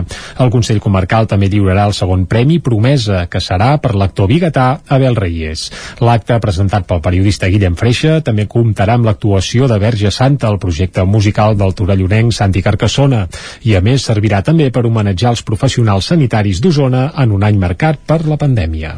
Esports. I a la plana esportiva parlem que expliquem que el Centre Excursionista de Sant Feliu de Codines organitza una caminada per infants aquest cap de setmana. La marxa infantil, la regularitat, que era el campàs des zona codinenca. Sí, aquesta prova esportiva està dirigida a infants des de primer de primària fins a segon d'ESO, de 7 a 12 anys. En parelles faran un recorregut de 10 quilòmetres pel bosc, seguint uh, uns punts marcats. Ramon Puig, del Centre Excursionista i, i res, hem de seguir aquest recorregut durant el recur han d'anar caminant, no, no és una cursa, no cal córrer, però sí que els hi marquem l'hora de pas a diferents punts i amb mhm. aquests controls doncs obtenim la regularitat que, que els hi marquem en el recorregut. Això vol dir que d'un punt a un altre han de destinar un temps determinat i el que s'ajusta més en aquest temps doncs són els que guanyen. Aquesta serà la 21a edició de la MIR. L'activitat s'organitza en col·laboració entre el Centre Excursionista i el Macalu, l'agrupament de lleure de la població. La participació a la prova és complicada per la preocupació de les famílies. Per això des de l'organització expliquen molt bé els termes en què es desenvoluparà. Puig parla de la feina de conscienciació a les famílies que han de fer. Sí, els donem un mapa i l'únic mapa és orientatiu, eh, perquè tampoc té un detall ni, ni està escalat ni, a nivell, a nivell d'edició de mapes no, no està no està massa treballat, és una fotocòpia pura i dura uh -huh. de, del que ens surt amb, amb el prat que marquem el que sí està molt ben senyalitzat amb, amb cintes de blanques i vermelles i després més o menys cada cruïlla, per tant gairebé cada quilòmetre hi ha mínim un control de, de gent que, o que els hi marca el temps o bé que els orienta si, si hi ha una cruïlla que pot ser conflictiva doncs no. ho reforcem amb, amb controls i els nens caminen sols uh -huh. però no estan sols. Val, és, és el lema una mica que la sensació que tenen ells és, és que van sols perquè no els acompanya cap adult. De fet està penalitzat. Sí que donem l'opció que hi vagi un adult però forcem a, a convèncer l'adult que ens doni la confiança i que, i que refi del seu fill o la filla que, que poden fer-ho sols i de fet ho fan tots i la mar de contents. La sortida serà aquest diumenge des del cim d'Àligues i l'arribada eh, serà a l'escola Jaume Balmes. La previsió és que hi participin unes 30 parelles. Perfecte, moltes gràcies, Caral. Acabem aquí aquest repàs informatiu que hem fet en companyia, com de sentíem, de Caral Campàs des d'Ona Codinenca, Jordi Sunyer des del 9 FM, Isaac Muntades des de la veu de Sant Joan i Núria Lázaro de la Ràdio Televisió de Cardedeu.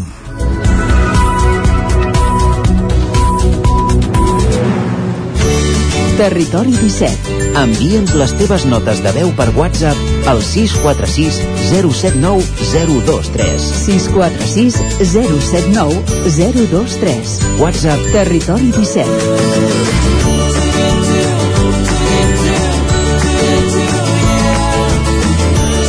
Territori 17. Som a Facebook, Twitter i Instagram amb l'usuari Territori 17.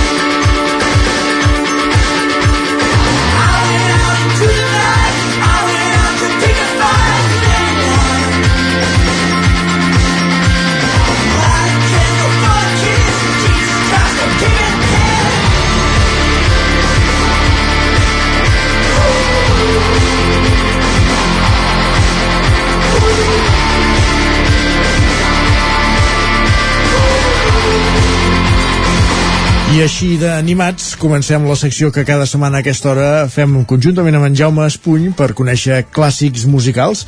Bon dia, Jaume. Bon dia. Avui sí, eh, que comencem aquella llista que Sí. ens deies de els 10 millors discos al teu criteri. Ah, exactament. I de la teva discografia. I és un clàssic bastant recent, aquest. Sí, però, no, això de les...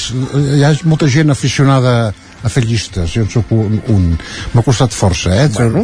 trobar 10 discos he intentat no repetir, bueno, no repeteixo els intèrprets I Ah, clar, comencem- perquè tot, llavors serien tots, tots Sí. 10 de Neil Young, Exacte, avui com- fa anys, per cert. Avui fa 76 anys.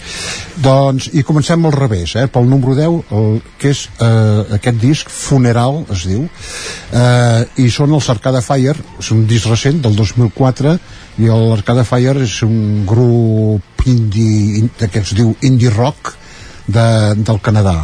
Eh, és el seu primer disc i mm, tothom coincideix a dir que és un dels debuts més sonats de, de la història del rock eh?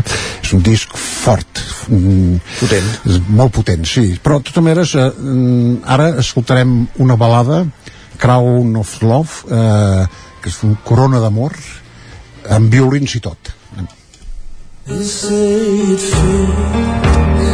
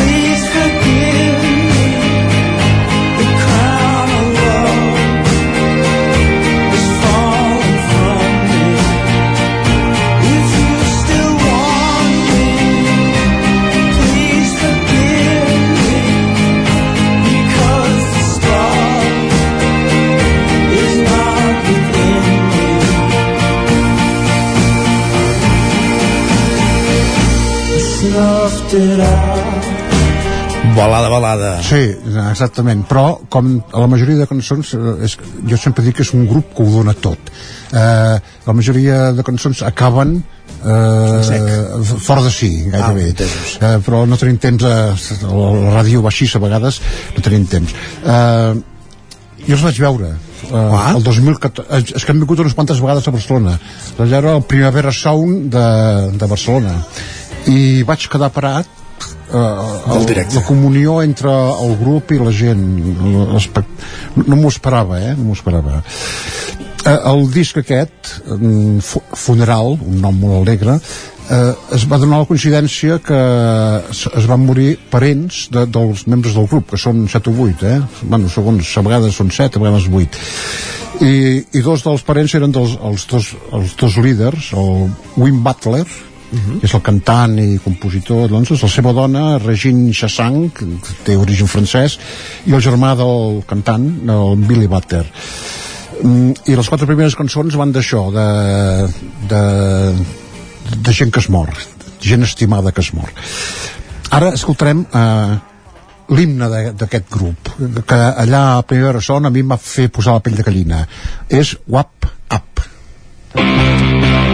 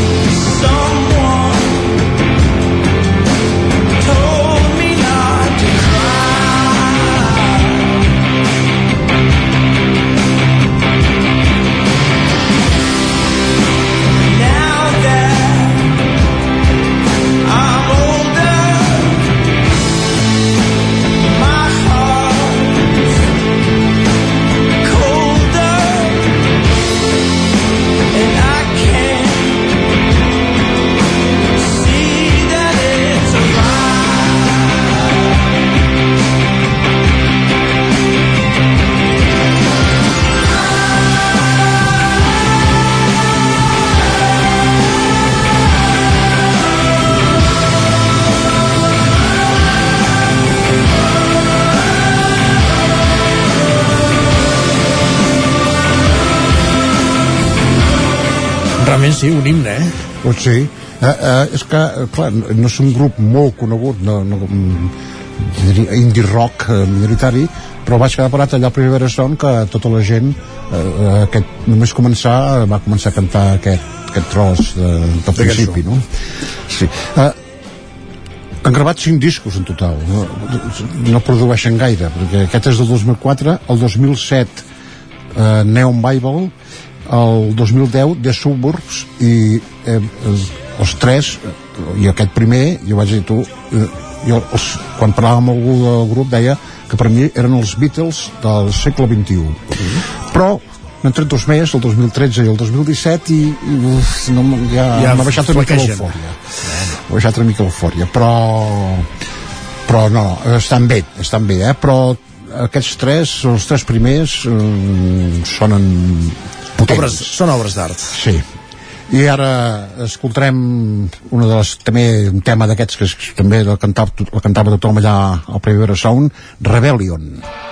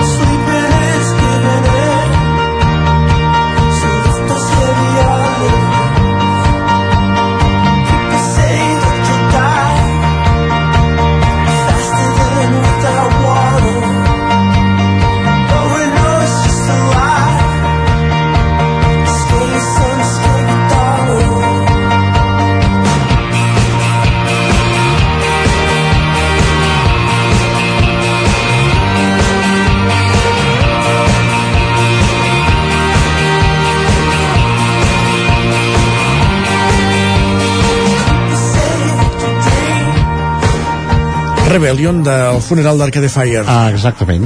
El Ah. disc que estem repassant avui amb els clàssics musicals amb en Jaume Espull. Ah, exacte. I no, només dir que van tenir un padrí un padrí, només sortir van tenir un padrí que es va convertir en un fan seu que eren ni més ni menys que el David Bowie carai sí. i ja està Molt bé. avui els Arcade Fire un grup a, a, a continuació les següents discos de la llista no seran pas tan modernes com aquest, eh? Molt bé. jo ja, ja tinc una edat i... Està. Perfecte. Molt bé, doncs acabem amb aquesta Rebellion. Fins la setmana que ve, gràcies Jaume. És el desè disc de, segons de la llista d'en Jaume Espull dels seus 10 millors discos de, de la història de la música. Aquest funeral d'Arcade Fire, amb ell arribarem a la pausa publicitària i tornarem després amb l'R3, amb la Foc Lent, avui amb una recepta de sa caldereta de Cardedeu, de la rostisseria sa caldereta, i acabarem la roda d'agenda del cap de setmana. Encara acabem d'escoltar un pensament més d'aquesta cançó dels Arcade Fire.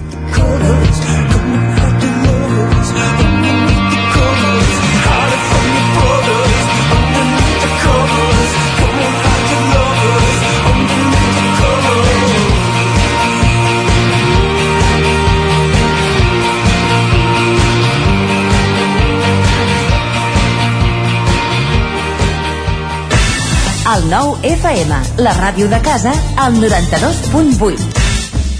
A la llibreria Mater hi trobaràs material escolar i d'escriptori, llibres, revistes i el millor regal. T'esperem amb una gran varietat de novel·les, llibres d'assaig, poesia, contes i moltes novetats editorials. I per anar ben equipat a l'escola tenim motxilles, estoig, carpetes, llibretes, bolígrafs i molt més. Recorda que amb la targeta client tens descomptes. Mater, llibreters amb vocació des de 1957. Llibreria Mater. Ens trobaràs al carrer Pla de Balanyà número 23 de Vic i a mater.cat. Tenim quaderns de vacances i les novetats amb motxilles i estoigs de la marca Kipling. T'esperem.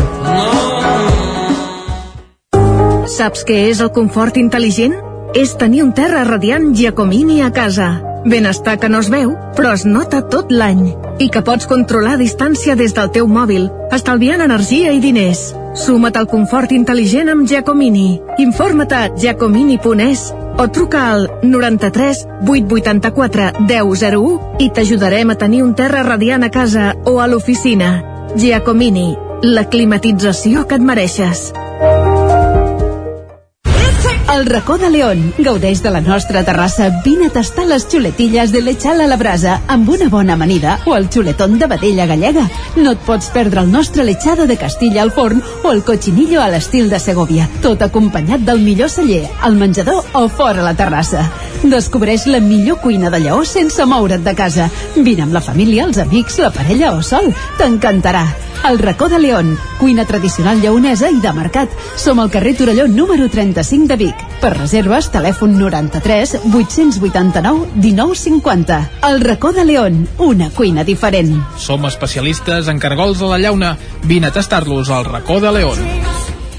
A Corretja tenim tot el que necessites per la teva llar. Tot tipus de paviments i revestiments, sistemes d'aïllament, cobertes, parquets, aixetes, ferreteria, pintures, fixació i cargoleria, vestuari i material de seguretat. Disposem de més de 3.500 metres quadrats d'exposició amb una nova zona exterior d'aïllaments. A Corretja som especialistes en cuines i banys. Us assessorem, dissenyem i realitzem el projecte des de l'inici fins a la fi del muntatge. 100% cuines, 100% banys. Al carrer Mas Vigues 8 de Vic, a corretja-sl.com o a Instagram. 100% materials per la construcció i la decoració. 100% corretja. Anuncia't al 9FM. La màquina de casa. 9 3 8 8 9 4 9 4 9 Publicitat arroba al 9FM.cat. Anuncia't al 9FM. La publicitat més eficaç. El 9FM, el 9FM, el 9FM, el 9FM. Territori 17.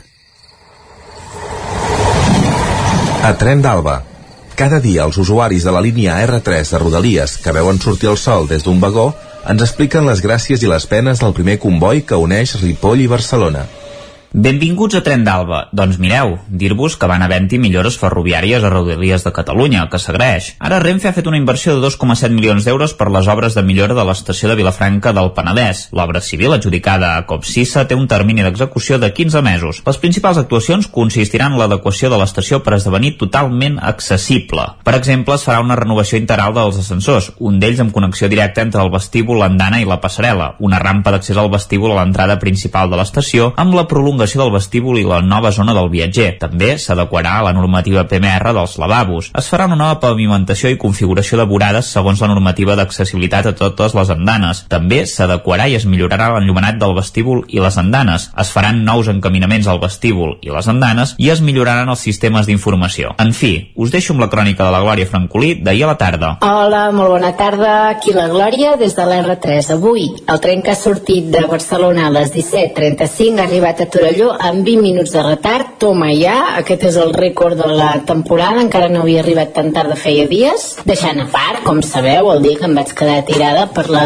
bé, la um, vaga salvatge que van fer els maquinistes. Dit això, avui he conegut una altra persona al tren, i ja en van dues des de l'inici de la temporada. La setmana passada us vaig explicar que vaig conèixer la Màriam i avui he conegut en Mohamed, un noi molt, molt, molt simpàtic que hem parlat tot el viatge, super agradable club i mentre estàvem parlant una noia que estava, estava dreta esperant uh, arribar al nostre costat s'ha marejat, ha mobilitzat a tot el vagó, l'hem assentat allà davant, allà davant, nostre, la noia que seia al nostre davant ha agafat l'ha estirat, l'ha agafat cames en l'aire, hem anat a veure el maquinista, ha sigut espectacular, la noia es trobava fatal i tremolava tota l'estona, però ens ha dit que no volia que aviséssim el 112 ni que féssim res. Total, que la noia ha baixat a, a la Garriga, que és on havia de baixar, i nosaltres hem seguit amb la, amb la conversa simpàtica i divertida. Ja només per acabar la crònica, quan hem arribat a Vic hem parat a una andana, ja us explico sempre també que de tornada sempre ens hem d'esperar de 10 a 15 minuts a l'estació de Vic, doncs avui quan hem arribat a Vic hem hagut de parar amb una andana diferent a la que normalment parem. Total, que mentre estàvem esperant que arribés l'altre tren han pujat tres persones que es pensaven que aquell tren anava cap a Barcelona, però no, anava cap a Ripoll. I per casualitats de la vida se n'han adonat i han hagut de baixar. I ja està, aquesta és la crònica d'avui, que ha sigut un, vi un viatge, com veieu, molt, molt distret. Vinga, fins la propera. El que no passa al tren no passa en lloc. És un bon lloc per fer amistats, això està clar. I aquesta pobra noia que gairebé es desmaia és que potser n'estava tan farta els retards constants del tren que per això es va marejar. I sort per aquestes persones que s'han adonat que el tren anava en direcció contrària on volien anar. No serien pas els primers que s'equivoquen i han de girar cua. Va, ens retrobem dilluns amb més històries del tren i de la R3. Territori, Territori 17. 17. Territori 17.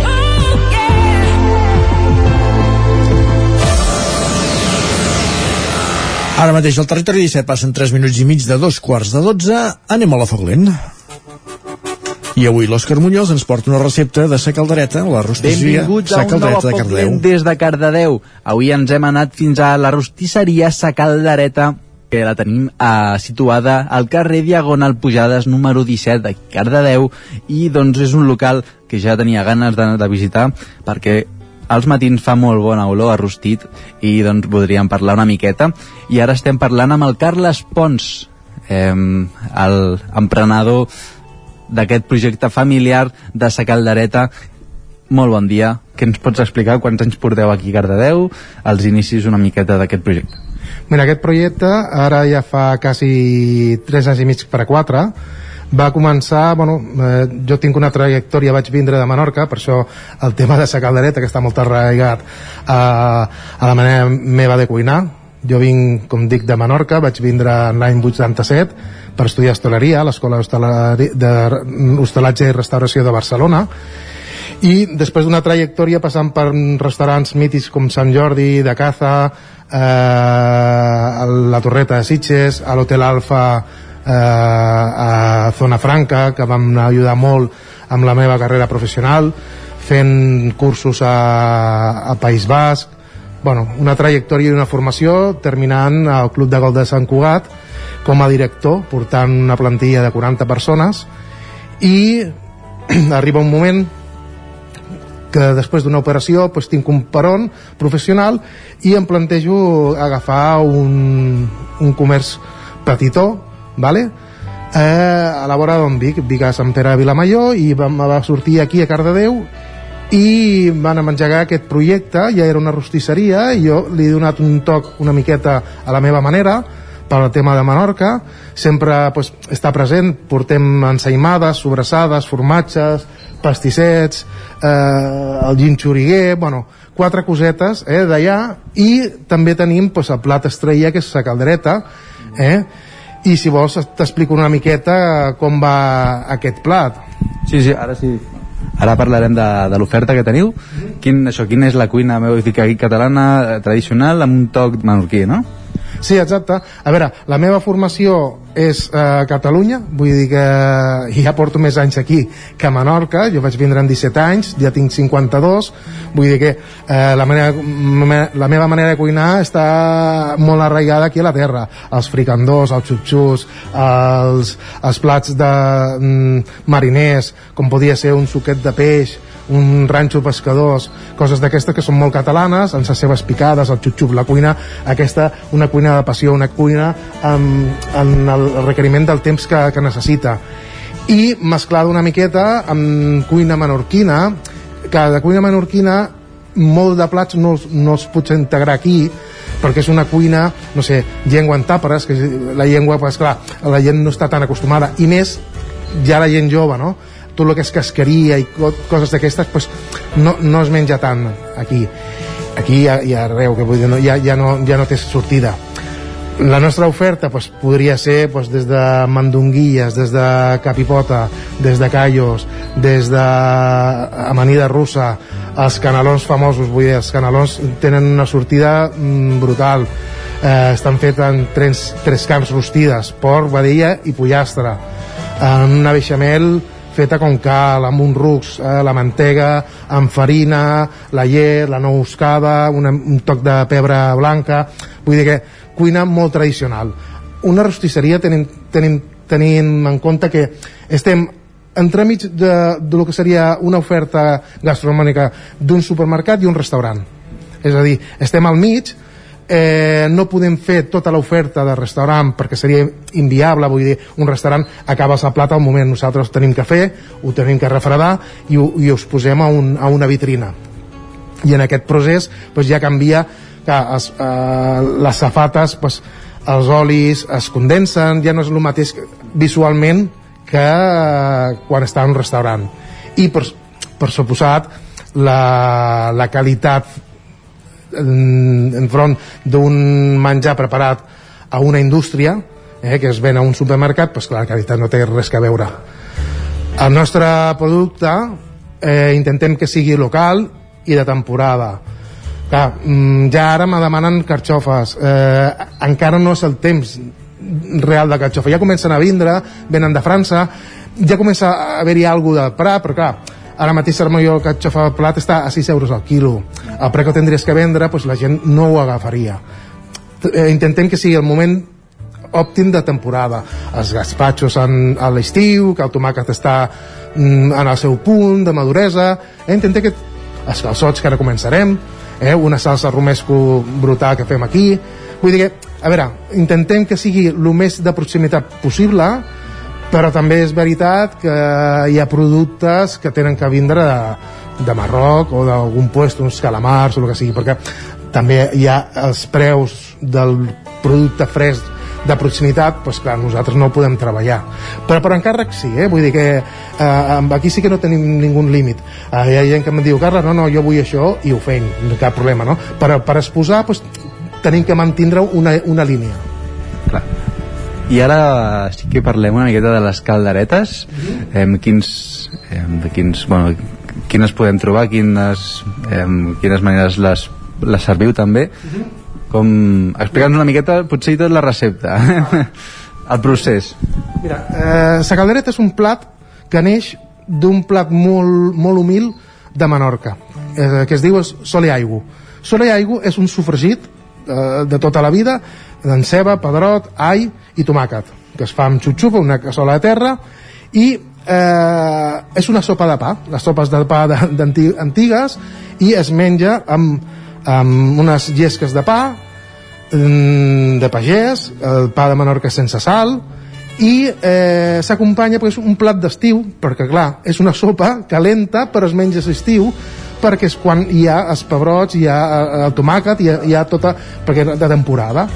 I, eh, i eh, s'acompanya amb figues. És un, a Menorca sempre hi ha molt present eh, salat i dolç. Vale? A partir d'aquí suposo que arriba un moment que hi ha molt de peix i molt de llagosta a Silla i eh, aprofiten i fiquen aquests peixos o aquestes llagostes dins d'aquest sofregit i n'és la caldereta es serveix i, igualment amb torrades de pa tradicionalment es serveixen torrades de pa aquí la gent també demana una miqueta d'arròs blanc per acompanyar i ja, per, ja ho fem en què no m'ho demanin ho fem així eh, ho servim amb pa i amb arròs blanc Eh, com ho fem aquí? Pues la caldereta sempre té el procés molt senzill.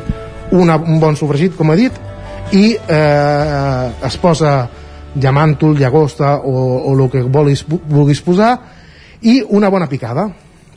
Es fa una bona picadeta i que faci un xup-xup i es deixa de reposar. Mínim té que reposar un dia, la caldereta, per, perquè els sabors es concentrin, vale? i mm, és, és una passada que eh, tu la fas i la proves el dia següent i és el doble de sabor. Vale?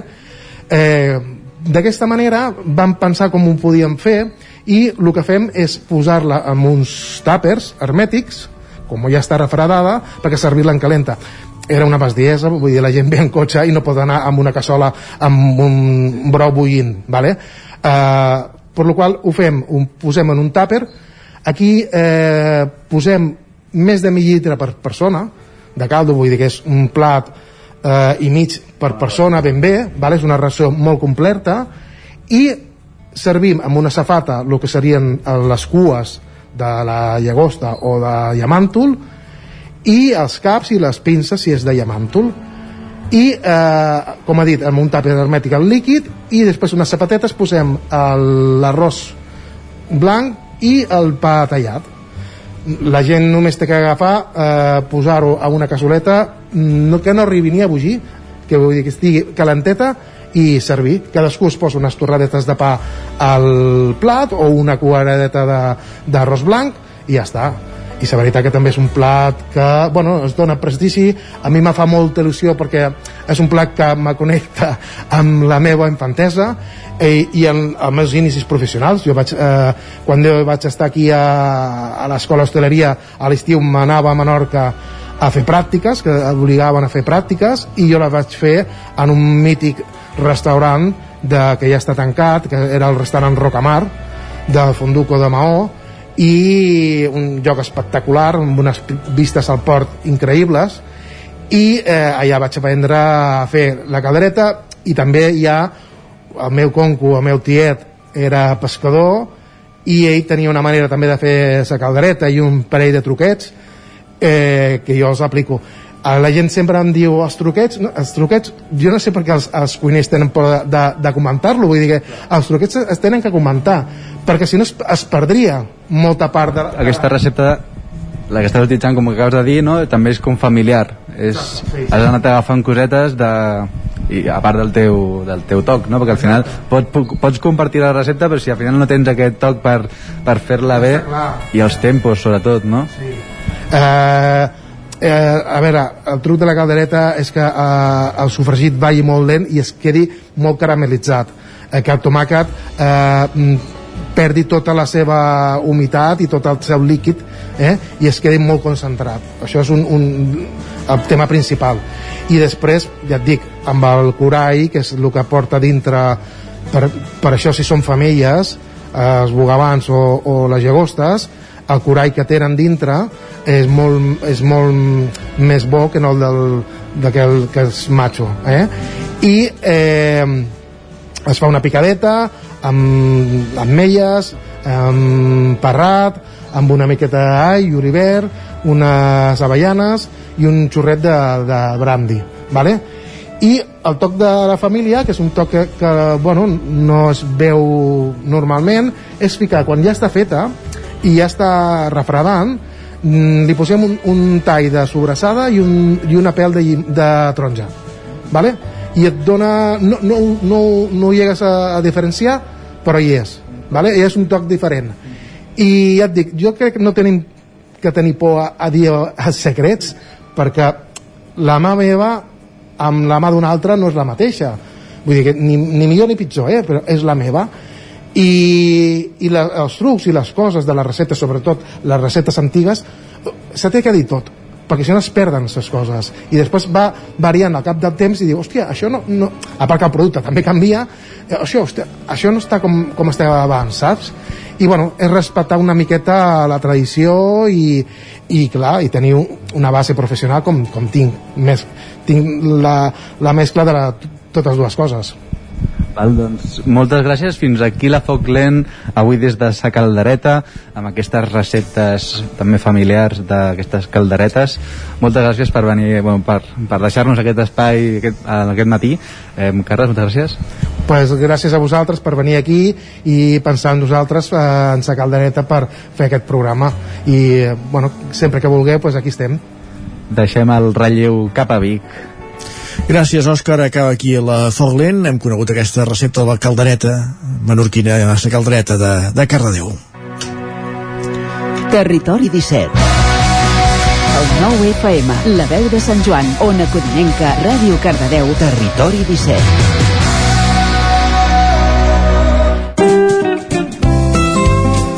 13 minuts i les 12 i com cada divendres a aquesta hora repassem els actes de l'agenda del cap de setmana al territori 17 comencem, aquest, comencem aquest recorregut aquesta roda per les emissores del territori 17 a la veu de Sant Joan amb l'Isaac Muntades, bon dia Bon dia. Doncs mireu, aquesta setmana pràcticament, de fet, no tenim activitats d'oci al Ripollès pròpiament dites, ni fires. El que sí que tenim és un acte de, de cultura que encara no s'havia explicat, eh, que es farà, doncs, eh, aquest eh, dissabte a les 12 del migdia aquí a Sant Joan de les, eh, de les Abadeses s'inaugurarà l'exposició itinerant Rodó a l'espai Art L'Abadia que, com ja hem explicat a l'informatiu, doncs es tracta d'una mostra col·lectiva en què hi participen 36 artistes que han creat un tondo, que no és res més que un element pintat de forma circular, d'aproximadament uns 35 centímetres de diàmetre com si fos un disc de vinil i que vol servir d'homenatge al cantautor, poeta i també artista plàstic Pere Figueres, que des de fa doncs, més de 50 anys és una de les veus més importants de la cançó catalana, de,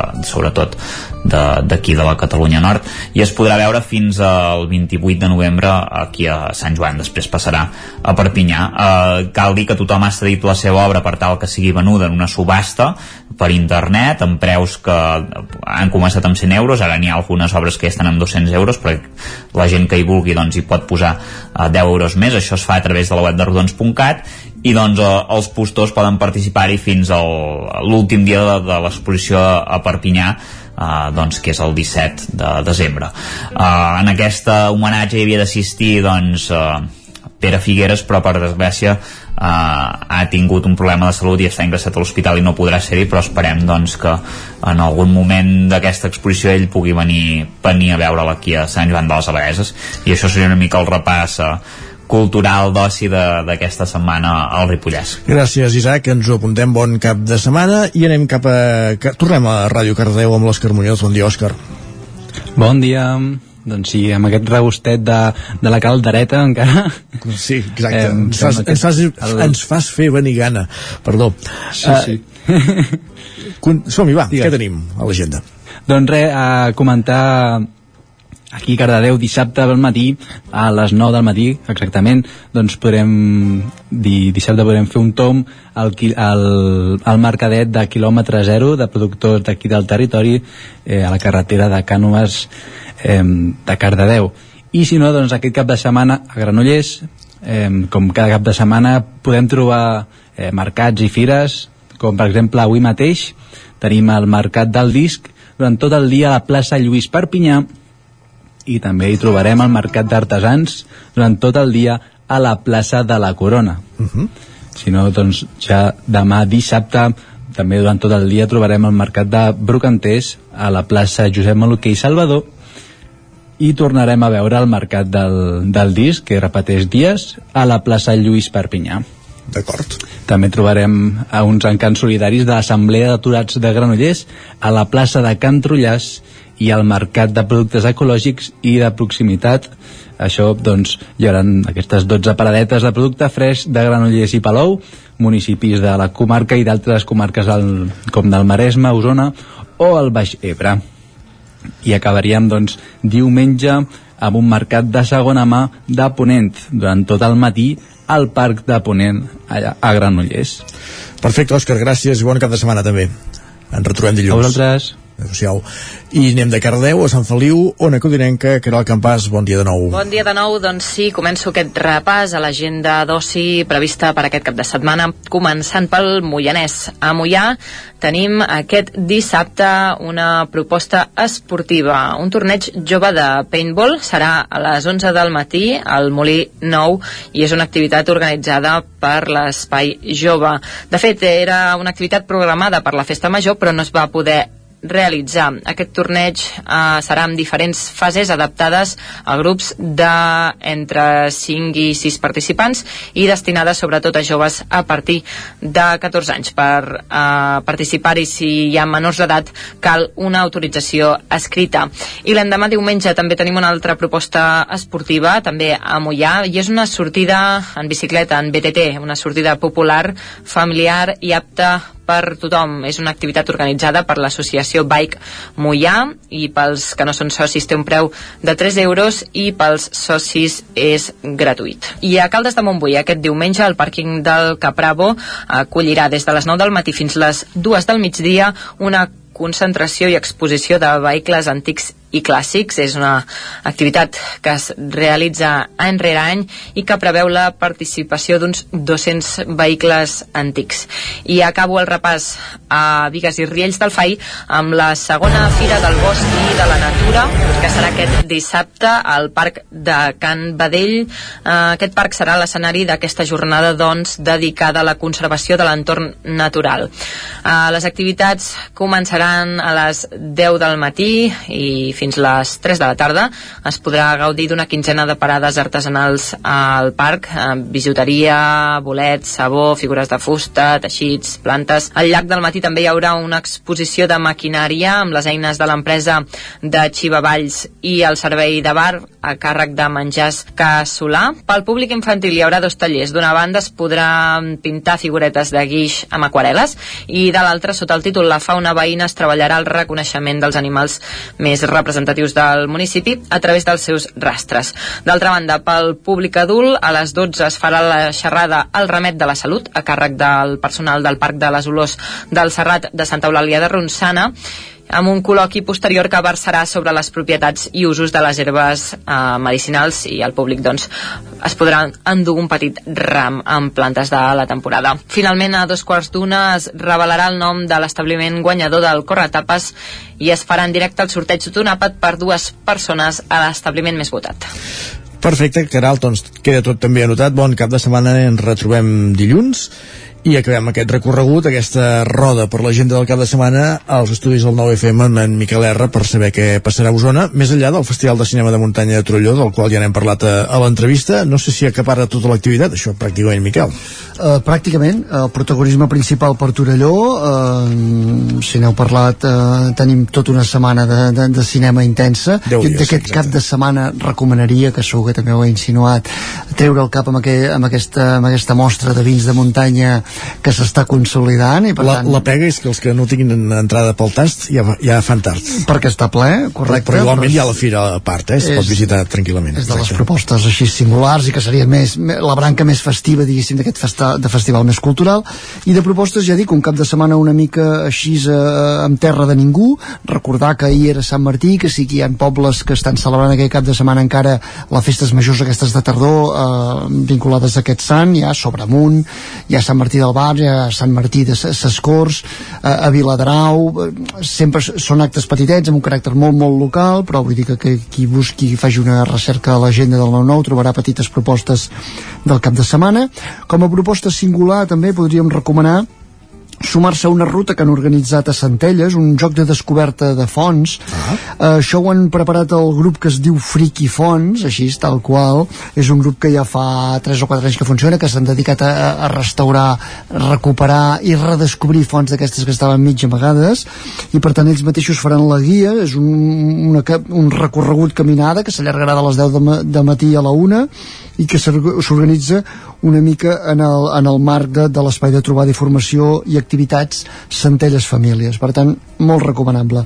Finalment també eh, l'any passat es va haver d'ajornar, s'ha passat per aquest any, dissabte al Museu del Ter, al matí, durant tot el matí, hi ha la jornada de recerca etnològica de la Catalunya Central, uh -huh. on es presenten alguns d'aquests treballs eh, de, de, de, mo- molt de, de microhistòria local. Això és, ja dic, començarà a dos quarts de deu del matí i s'acaba a la una del migdia. En total es presentaran set treballs de la comarca d'Osona i una del Bages. I per als que els agradi sopar i sopar bé, recordar que hi ha la tercera edició del cicle Sopars a quatre mans d'Osona Cuina que van Sí. ajuntant eh, propostes aquestes gastronòmiques que junten Ahir, ahir ho van petar, em sembla, no? Es fa demà. Ah, es fa demà? La primera, exacte, la, la primera edició va ser la setmana passada, demà es fa, diguéssim, el segon d'aquests sopars, en aquest cas es fa a Sant Agustí del Lluçanès, entre els restaurants Cala Cinta i l'Horta de Tabertet, es fa demà i el proper es farà dimecres que ve. Per tant, una bona manera, ja dic, de propostes així eh, de maridatge entre eh, cuinat a quatre mans, molt singulars, que valen molt la pena. Dis Doncs en prenem nota perquè és això, val molt la pena eh, cuina d'alt nivell i propostes interessants. Gràcies Miquel acabem si et sembla amb música perquè demà a l'Atlàntida, en vam parlar el dimecres amb en Jordi Vilarrodà i actua Lil Dami per exemple. Correcte. Doncs amb ell acabem. Gràcies. Sé que és possible que m'estimis o no No m'esperaré una altra tardor. Sé que és possible que ho deixem demà. Però no ens hauria de preocupar. Si vols quedem per sopar I fem veure que no sabem com acabarà. Si vols fem que ens és igual Però els dos sabem que ens morim de ganes de quedar. Ja no sé com dir-te que amb tu repetiria cada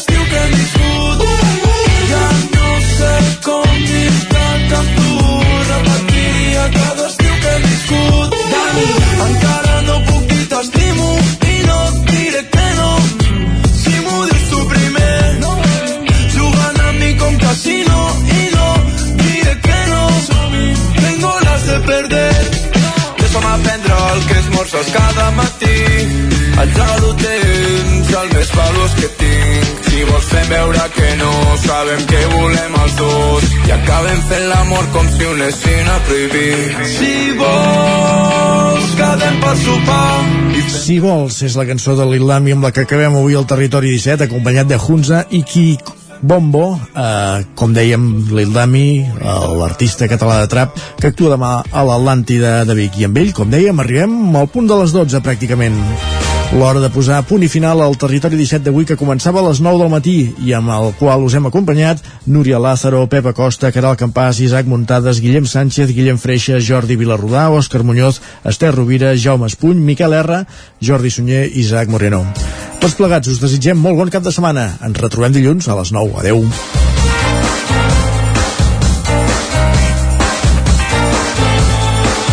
Territori 17 un magazín del nou FM. La veu de Sant Joan, Ona Codinenca i Ràdio Cardedeu amb el suport de la xarxa. El nou FM